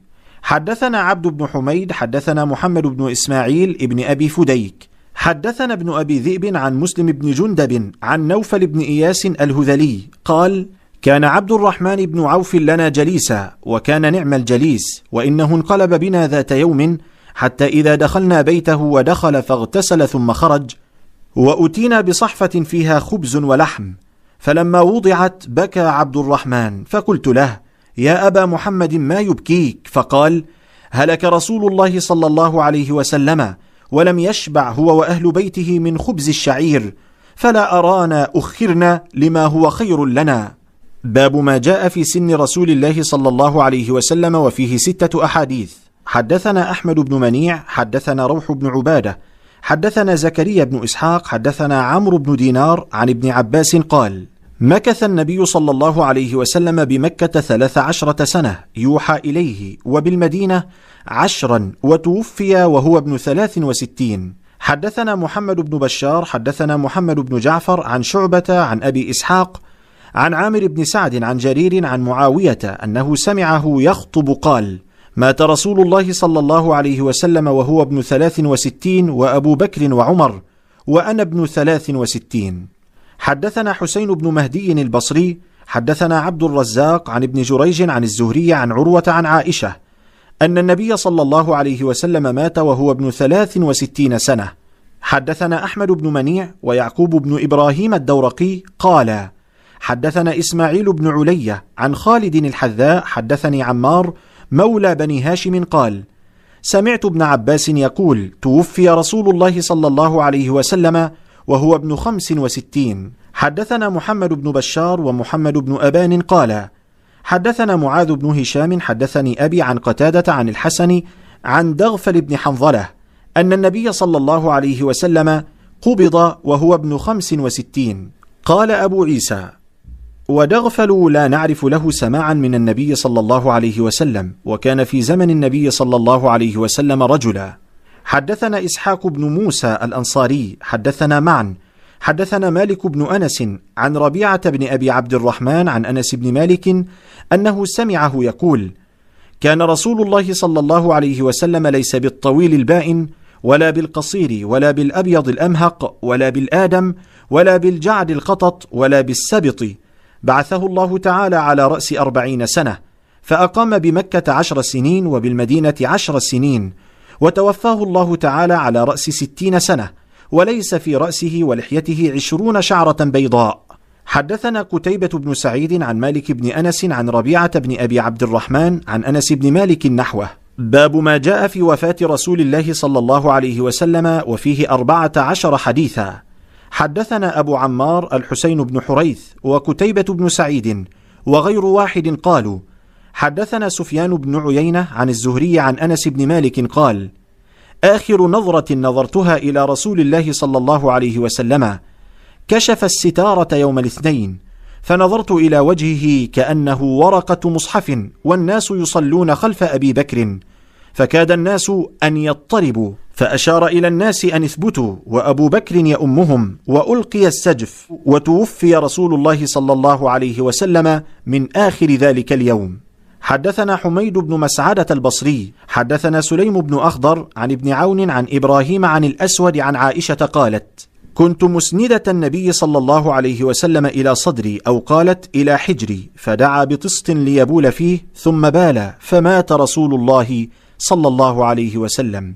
حدثنا قتيبة حدثنا الليث عن ابن الهاد عن موسى بن سرجس عن القاسم بن محمد عن عائشة أنها قالت رأيت رسول الله صلى الله عليه وسلم وهو بالموت وعنده قدح فيه ماء وهو يدخل يده في القدح ثم يمسح وجهه بالماء ثم يقول اللهم أعني على منكرات أو قال على سكرات الموت حدثنا الحسن بن الصباح البزار حدثنا مبشر بن إسماعيل عن عبد الرحمن بن العلاء عن أبيه عن ابن عمر عن عائشة قالت لا أغبط أحدا بهون موت بعد الذي رأيت من شدة موت رسول الله صلى الله عليه وسلم. قال أبو عيسى سألت أبا زرعة فقلت له من عبد الرحمن ابن العلاء هذا؟ فقال هو عبد الرحمن بن العلاء ابن اللجلاج. حدثنا أبو كريب محمد بن العلاء حدثنا أبو معاوية عن عبد الرحمن بن أبي بكر هو ابن المليكي عن ابن أبي مليكة عن عائشة قالت لما قبض رسول الله صلى الله عليه وسلم اختلفوا في دفنه فقال أبو بكر سمعت من رسول الله صلى الله عليه وسلم شيئا ما نسيته قال ما قبض الله نبيا إلا في الموضع الذي يحب أن يدفن فيه ادفنوه في موضع فراشه حدثنا محمد بن بشار وعباس العنبري وسوار بن عبد الله وغير واحد قالوا أنبأنا يحيى بن سعيد عن سفيان الثوري عن موسى ابن أبي عائشة عن عبيد الله بن عبد الله عن ابن عباس وعائشة رضي الله عنهم أن أبا بكر قبل النبي صلى الله عليه وسلم بعدما مات. حدثنا نصر بن علي الجهضمي حدثنا مرحوم بن عبد العزيز العطار عن أبي عمران الجوني عن يزيد بن بابنوس عن عائشة. أن أبا بكر رضي الله عنهما دخل على النبي صلى الله عليه وسلم بعد وفاته فوضع فمه بين عينيه ووضع يديه على ساعديه وقال ونبياه وصفياه وخليلاه حدثنا بشر بن هلال الصواف البصري حدثنا جعفر بن سليمان عن ثابت عن أنس قال لما كان اليوم الذي دخل فيه رسول الله صلى الله عليه وسلم المدينة أضاء منها كل شيء فلما كان اليوم الذي مات فيه أظلم منها كل شيء. وما نفضنا أيدينا من التراب وإنا لفي دفنه صلى الله عليه وسلم حتى أنكرنا قلوبنا. حدثنا محمد بن حاتم حدثنا عامر بن صالح عن هشام بن عروة عن أبيه عن عائشة قالت توفي رسول الله صلى الله عليه وسلم يوم الاثنين. حدثنا محمد بن أبي عمر حدثنا سفيان بن عيينة عن جعفر بن محمد عن أبيه قال قبض رسول الله صلى الله عليه وسلم يوم الاثنين فمكث ذلك اليوم وليلة الثلاثاء ودفن من الليل. وقال سفيان وغيره يسمع صوت المساحي من آخر الليل. حدثنا قتيبة بن سعيد حدثنا عبد العزيز بن محمد عن شريك بن عبد الله بن أبي نمر عن أبي سلمة بن عبد الرحمن بن عوف قال توفي رسول الله صلى الله عليه وسلم يوم الاثنين ودفن يوم الثلاثاء. قال أبو عيسى هذا حديث غريب. حدثنا نصر بن علي الجهضمي. أنبأنا عبد الله بن أبي داود قال حدثنا سلمة بن نبيط. أخبرنا عن نعيم بن أبي هند عن نبيط بن شريط عن سالم بن عبيد وكانت له صحبة قال أغمي على رسول الله صلى الله عليه وسلم في مرضه فأفاق فقال حضرت الصلاة؟ فقالوا نعم. فقال مروا بلالا فليؤذن ومروا أبا بكر فليصلي للناس أو قال بالناس. قال ثم أغمي عليه فأفاق فقال حضرت الصلاة؟ فقالوا نعم. فقال مروا بلالا فليؤذن ومروا أبا بكر فليصلي بالناس. فقالت عائشة إن أبي رجل أسيف إذا قام ذلك المقام بكى فلا يستطيع فلو أمرت غيره. قال ثم أغمي عليه فأفاق فقال مروا بلالا فليؤذن ومروا أبا بكر فليصلي بالناس فإن كن صواحب أو صواحبات يوسف. قال فأمر بلال فأذن وأمر أبو بكر فصلى بالناس. ثم إن رسول الله صلى الله عليه وسلم وجد خفة فقال انظروا لي من أتكئ عليه. فجاءت بريرة ورجل آخر فاتكأ عليهما. فلما رآه أبو بكر ذهب لينكص فأومأ إليه أن يثبت مكانه حتى قضى أبو بكر صلاته. ثم إن رسول الله صلى الله عليه وسلم قبض. فقال عمر والله لا أسمع أحدا يذكر أن رسول الله صلى الله عليه وسلم قبض إلا ضربته بسيفي هذا. قال وكان الناس أميين لم يكن فيهم نبي قبله فأمسك الناس فقالوا يا سالم انطلق إلى صاحب رسول الله صلى الله عليه وسلم فادعه. فأتيت أبا بكر وهو في المسجد فأتيته أبكي دهشا. فلما رآني قال أقبض رسول الله صلى الله عليه وسلم؟ قلت إن عمر يقول لا أسمع أحدا يذكر أن رسول الله صلى الله عليه وسلم قبض إلا ضربته بسيفي هذا. فقال لي انطلق. فانطلقت معه فجاء هو والناس قد دخلوا على رسول الله صلى الله عليه وسلم فقال يا أيها الناس أفرجوا لي. فأفرجوا له فجاء حتى أكب عليه ومسه فقال إنك ميت وإنهم ميتون. ثم قالوا يا صاحب رسول الله صلى الله عليه وسلم أقبض رسول الله صلى الله عليه وسلم؟ قال نعم. فعلموا أن قد صدق. قالوا يا صاحب رسول الله أيصلى على رسول الله صلى الله عليه وسلم؟ قال نعم. فقالوا وكيف؟ قال يدخل قوم فيكبرون ويصلون ويدعون ثم يخرجون ثم يدخل قوم فيكبرون ويصلون ويدعون ثم يخرجون حتى يدخل الناس. قالوا يا صاحب رسول الله أيدفن رسول الله صلى الله عليه وسلم؟ قال نعم. قالوا أين؟ قال في المكان الذي قبض الله فيه روحه فإن الله لم يقبض روحه إلا في مكان طيب فعلموا أن قد صدق. ثم أمرهم أن يغسله بنو أبيه واجتمع المهاجرون يتشاورون فقالوا انطلق بنا إلى إخواننا من الأنصار نداخلهم معنا في هذا الأمر. فقالت الأنصار منا أمير ومنكم أمير. فقال عمر بن الخطاب رضي الله عنه من له مثل هذه الثلاثة؟ ثاني اثنين إذ هما في الغار إذ يقول لصاحبه لا تحزن إن الله معنا. من هما؟ قال ثم بسط يده فبايعوه وبايعه الناس بيعة حسنة جميلة. حدثنا نصر بن علي حدثنا عبد الله بن الزبير شيخ باهلي قديم بصري. حدثنا ثابت البناني عن أنس بن مالك قال لما وجد رسول الله صلى الله عليه وسلم من كرب الموت ما وجد قالت فاطمة رضي الله تعالى عنها وكرباه فقال النبي صلى الله عليه وسلم لا كرب على أبيك بعد اليوم إنه قد حضر من أبيك ما ليس بتارك منه أحدا الموافاة يوم القيامة. حدثنا أبو الخطاب زياد بن يحيى البصري ونصر بن علي قال حدثنا عبد ربه بن بارق الحنفي قال سمعت جدي أبا أمي سماك بن الوليد يحدث أنه سمع ابن عباس رضي الله تعالى عنهما يحدث أنه سمع رسول الله صلى الله عليه وسلم يقول من كان له فرطان من أمتي أدخله الله تعالى بهما الجنة. فقالت عائشة رضي الله عنها فمن كان له فرط من أمتك؟ قال ومن كان له فرط يا موفقة.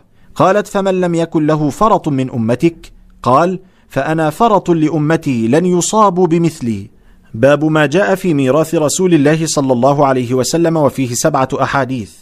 حدثنا أحمد بن منيع حدثنا حسين بن محمد حدثنا إسرائيل عن أبي إسحاق عن عمرو بن الحارث أخي جويرية له صحبة قال ما ترك رسول الله صلى الله عليه وسلم إلا سلاحه وبغلته وأرضا جعلها صدقة.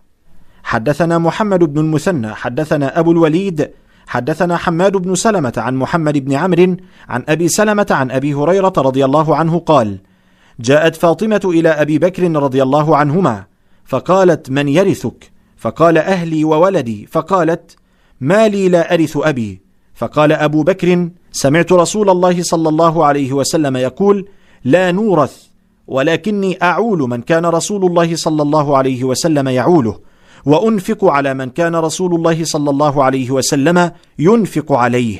حدثنا محمد بن المثنى حدثنا يحيى بن كثير العنبري أبو غسان. حدثنا شعبة عن عمرو بن مرة عن أبي البختري أن العباس وعليا جاء إلى عمر يختصمان. يقول كل واحد منهما لصاحبه أنت كذا أنت كذا. فقال عمر لطلحة والزبير وعبد الرحمن بن عوف وسعد رضي الله تعالى عنهم أنشدكم بالله. أسمعتم رسول الله صلى الله عليه وسلم يقول كل مال نبي صدقة إلا ما أطعمه إنا لا نورث. وفي الحديث قصة. حدثنا محمد بن المثنى حدثنا صفوان بن عيسى عن أسامة بن زيد عن الزهري عن عروة عن عائشة رضي الله تعالى عنها أن رسول الله صلى الله عليه وسلم قال لا نورث ما تركنا فهو صدقة. حدثنا محمد بن بشار حدثنا عبد الرحمن بن مهدي حدثنا سفيان عن أبي الزناد عن الأعرج عن أبي هريرة رضي الله عنه عن النبي صلى الله عليه وسلم قال لا يقسم ورثتي دينارا ولا درهما. ما تركت بعد نفقة نسائي ومؤنة عاملي فهو صدقة. حدثنا الحسن بن علي الخلال حدثنا بشر بن عمر قال سمعت مالك بن أنس عن الزهري عن مالك بن أوس بن الحدثان قال دخلت على عمر فدخل عليه عبد الرحمن بن عوف وطلحة وسعد وجاء علي والعباس يختصمان فقال لهم عمر أنشدكم بالذي بإذنه تقوم السماء والأرض. أتعلمون أن رسول الله صلى الله عليه وسلم قال لا نورث ما تركناه صدقة فقالوا اللهم نعم. وفي الحديث قصة طويلة. حدثنا محمد بن بشار حدثنا عبد الرحمن بن مهدي حدثنا سفيان عن عاصم بن بهدلة عن زر بن حبيش عن عائشة رضي الله عنها قالت ما ترك رسول الله صلى الله عليه وسلم دينارا ولا درهما ولا شاة ولا بعيرا. قال وأشك في العبد والأمة. باب ما جاء في رؤية رسول الله صلى الله عليه وسلم في المنام وفيه عشرة أحاديث. حدثنا محمد بن بشار حدثنا عبد الرحمن بن مهدي حدثنا سفيان عن أبي إسحاق عن أبي الأحوص عن عبد الله بن مسعود عن النبي صلى الله عليه وسلم قال من رآني في المنام فقد رآني فإن الشيطان لا يتمثل بي. حدثنا محمد بن بشار ومحمد بن المثنى قال حدثنا محمد بن جعفر حدثنا شعبة عن أبي حسين عن أبي صالح عن أبي هريرة رضي الله عنه قال قال رسول الله صلى الله عليه وسلم من رآني في المنام فقد رآني فإن الشيطان لا يتصور أو قال لا يتشبه بي. حدثنا قتيبة حدثنا خلف بن خليفة عن أبي مالك الأشجعي عن أبيه قال قال رسول الله صلى الله عليه وسلم من رآني في المنام فقد رآني. قال أبو عيسى وأبو مالك هذا هو سعد بن طارق ابن أشيم وطارق بن أشيم من أصحاب النبي صلى الله عليه وسلم وقد روى عن النبي صلى الله عليه وسلم أحاديث. قال أبو عيسى سمعت علي بن حجر يقول قال خلف بن خليفة رأيت عمرو بن حريث صاحب النبي صلى الله عليه وسلم وأنا غلام صغير. حدثنا قتيبة هو ابن سعيد. حدثنا عبد الواحد ابن زياد. عن عاصم بن كليب قال حدثني أبي أنه سمع أبا هريرة يقول قال رسول الله صلى الله عليه وسلم من رآني في المنام فقد رآني فإن الشيطان لا يتمثلني. قال أبي فحدثت به ابن عباس فقلت قد رأيته فذكرت الحسن ابن علي فقلت شبهته به فقال ابن عباس إن كان يشبهه. حدثنا محمد بن بشار حدثنا ابن أبي عدي ومحمد بن جعفر قال حدثنا عوف بن أبي جميلة عن يزيد الفارسي وكان يكتب المصاحف. قال رأيت النبي صلى الله عليه وسلم في المنام زمن ابن عباس فقلت لابن عباس إني رأيت رسول الله صلى الله عليه وسلم في النوم. فقال ابن عباس إن رسول الله صلى الله عليه وسلم كان يقول إن الشيطان لا يستطيع أن يتشبه بي فمن رآني في النوم فقد رآني هل تستطيع أن تنعت هذا الرجل الذي رأيته في النوم؟ قال نعم أنعت لك رجلا بين الرجلين جسمه ولحمه أسمر إلى البياض أكحل العينين حسن الضحك جميل دوائر الوجه قد ملأت لحيته ما بين هذه إلى هذه قد ملأت نحره قال عوف لو رأيته في اليقظة ما استطعت أن تنعته فوق هذا. قال أبو عيسى ويزيد الفارسي هو يزيد بن هرمز وهو أقدم من يزيد الرقاشي. وروى يزيد الفارسي عن ابن عباس رضي الله عنهما أحاديث. ويزيد الرقاشي لم يدرك ابن عباس وهو يزيد بن أبان الرقاشي وهو يروي عن أنس بن مالك. ويزيد الفارسي ويزيد الرقاشي كلاهما من أهل البصرة. وعوف بن أبي جميلة هو عوف الأعرابي. حدثنا أبو داود سليمان بن سلم البلخي. حدثنا النضر بن شميل قال قال عوف الأعرابي أنا أكبر من قتادة. حدثنا عبد الله ابن أبي زياد. حدثنا يعقوب بن إبراهيم ابن سعد. حدثنا ابن أخي ابن شهاب الزهري عن عمه قال قال أبو سلمة قال أبو قتادة. قال رسول الله صلى الله عليه وسلم من رآني يعني في النوم فقد رأى الحق. حدثنا عبد الله ابن عبد الرحمن الدارمي أنبأنا معلى ابن أسد. حدثنا عبد العزيز ابن المختار حدثنا ثابت عن أنس أن رسول الله صلى الله عليه وسلم قال من رآني في المنام فقد رآني فإن الشيطان لا يتخيل بي وقال ورؤيا المؤمن جزء من ستة وأربعين جزءا من النبوة حدثنا محمد بن علي قال سمعت أبي يقول قال عبد الله ابن المبارك إذا ابتليت بالقضاء فعليك بالأثر. حدثنا محمد بن علي حدثنا النضر بن شميل أخبرنا ابن عون عن ابن سيرين قال هذا الحديث دين فانظروا عمن تأخذون دينكم. تم بحمد الله وتوفيقه كتاب الشمائل المحمدية للإمام الترمذي رحمه الله تعالى. نسأل الله عز وجل أن يجعل هذا العمل في ميزان حسنات مؤلفه وقارئه ومستمعه وآخر دعوانا أن الحمد لله رب العالمين.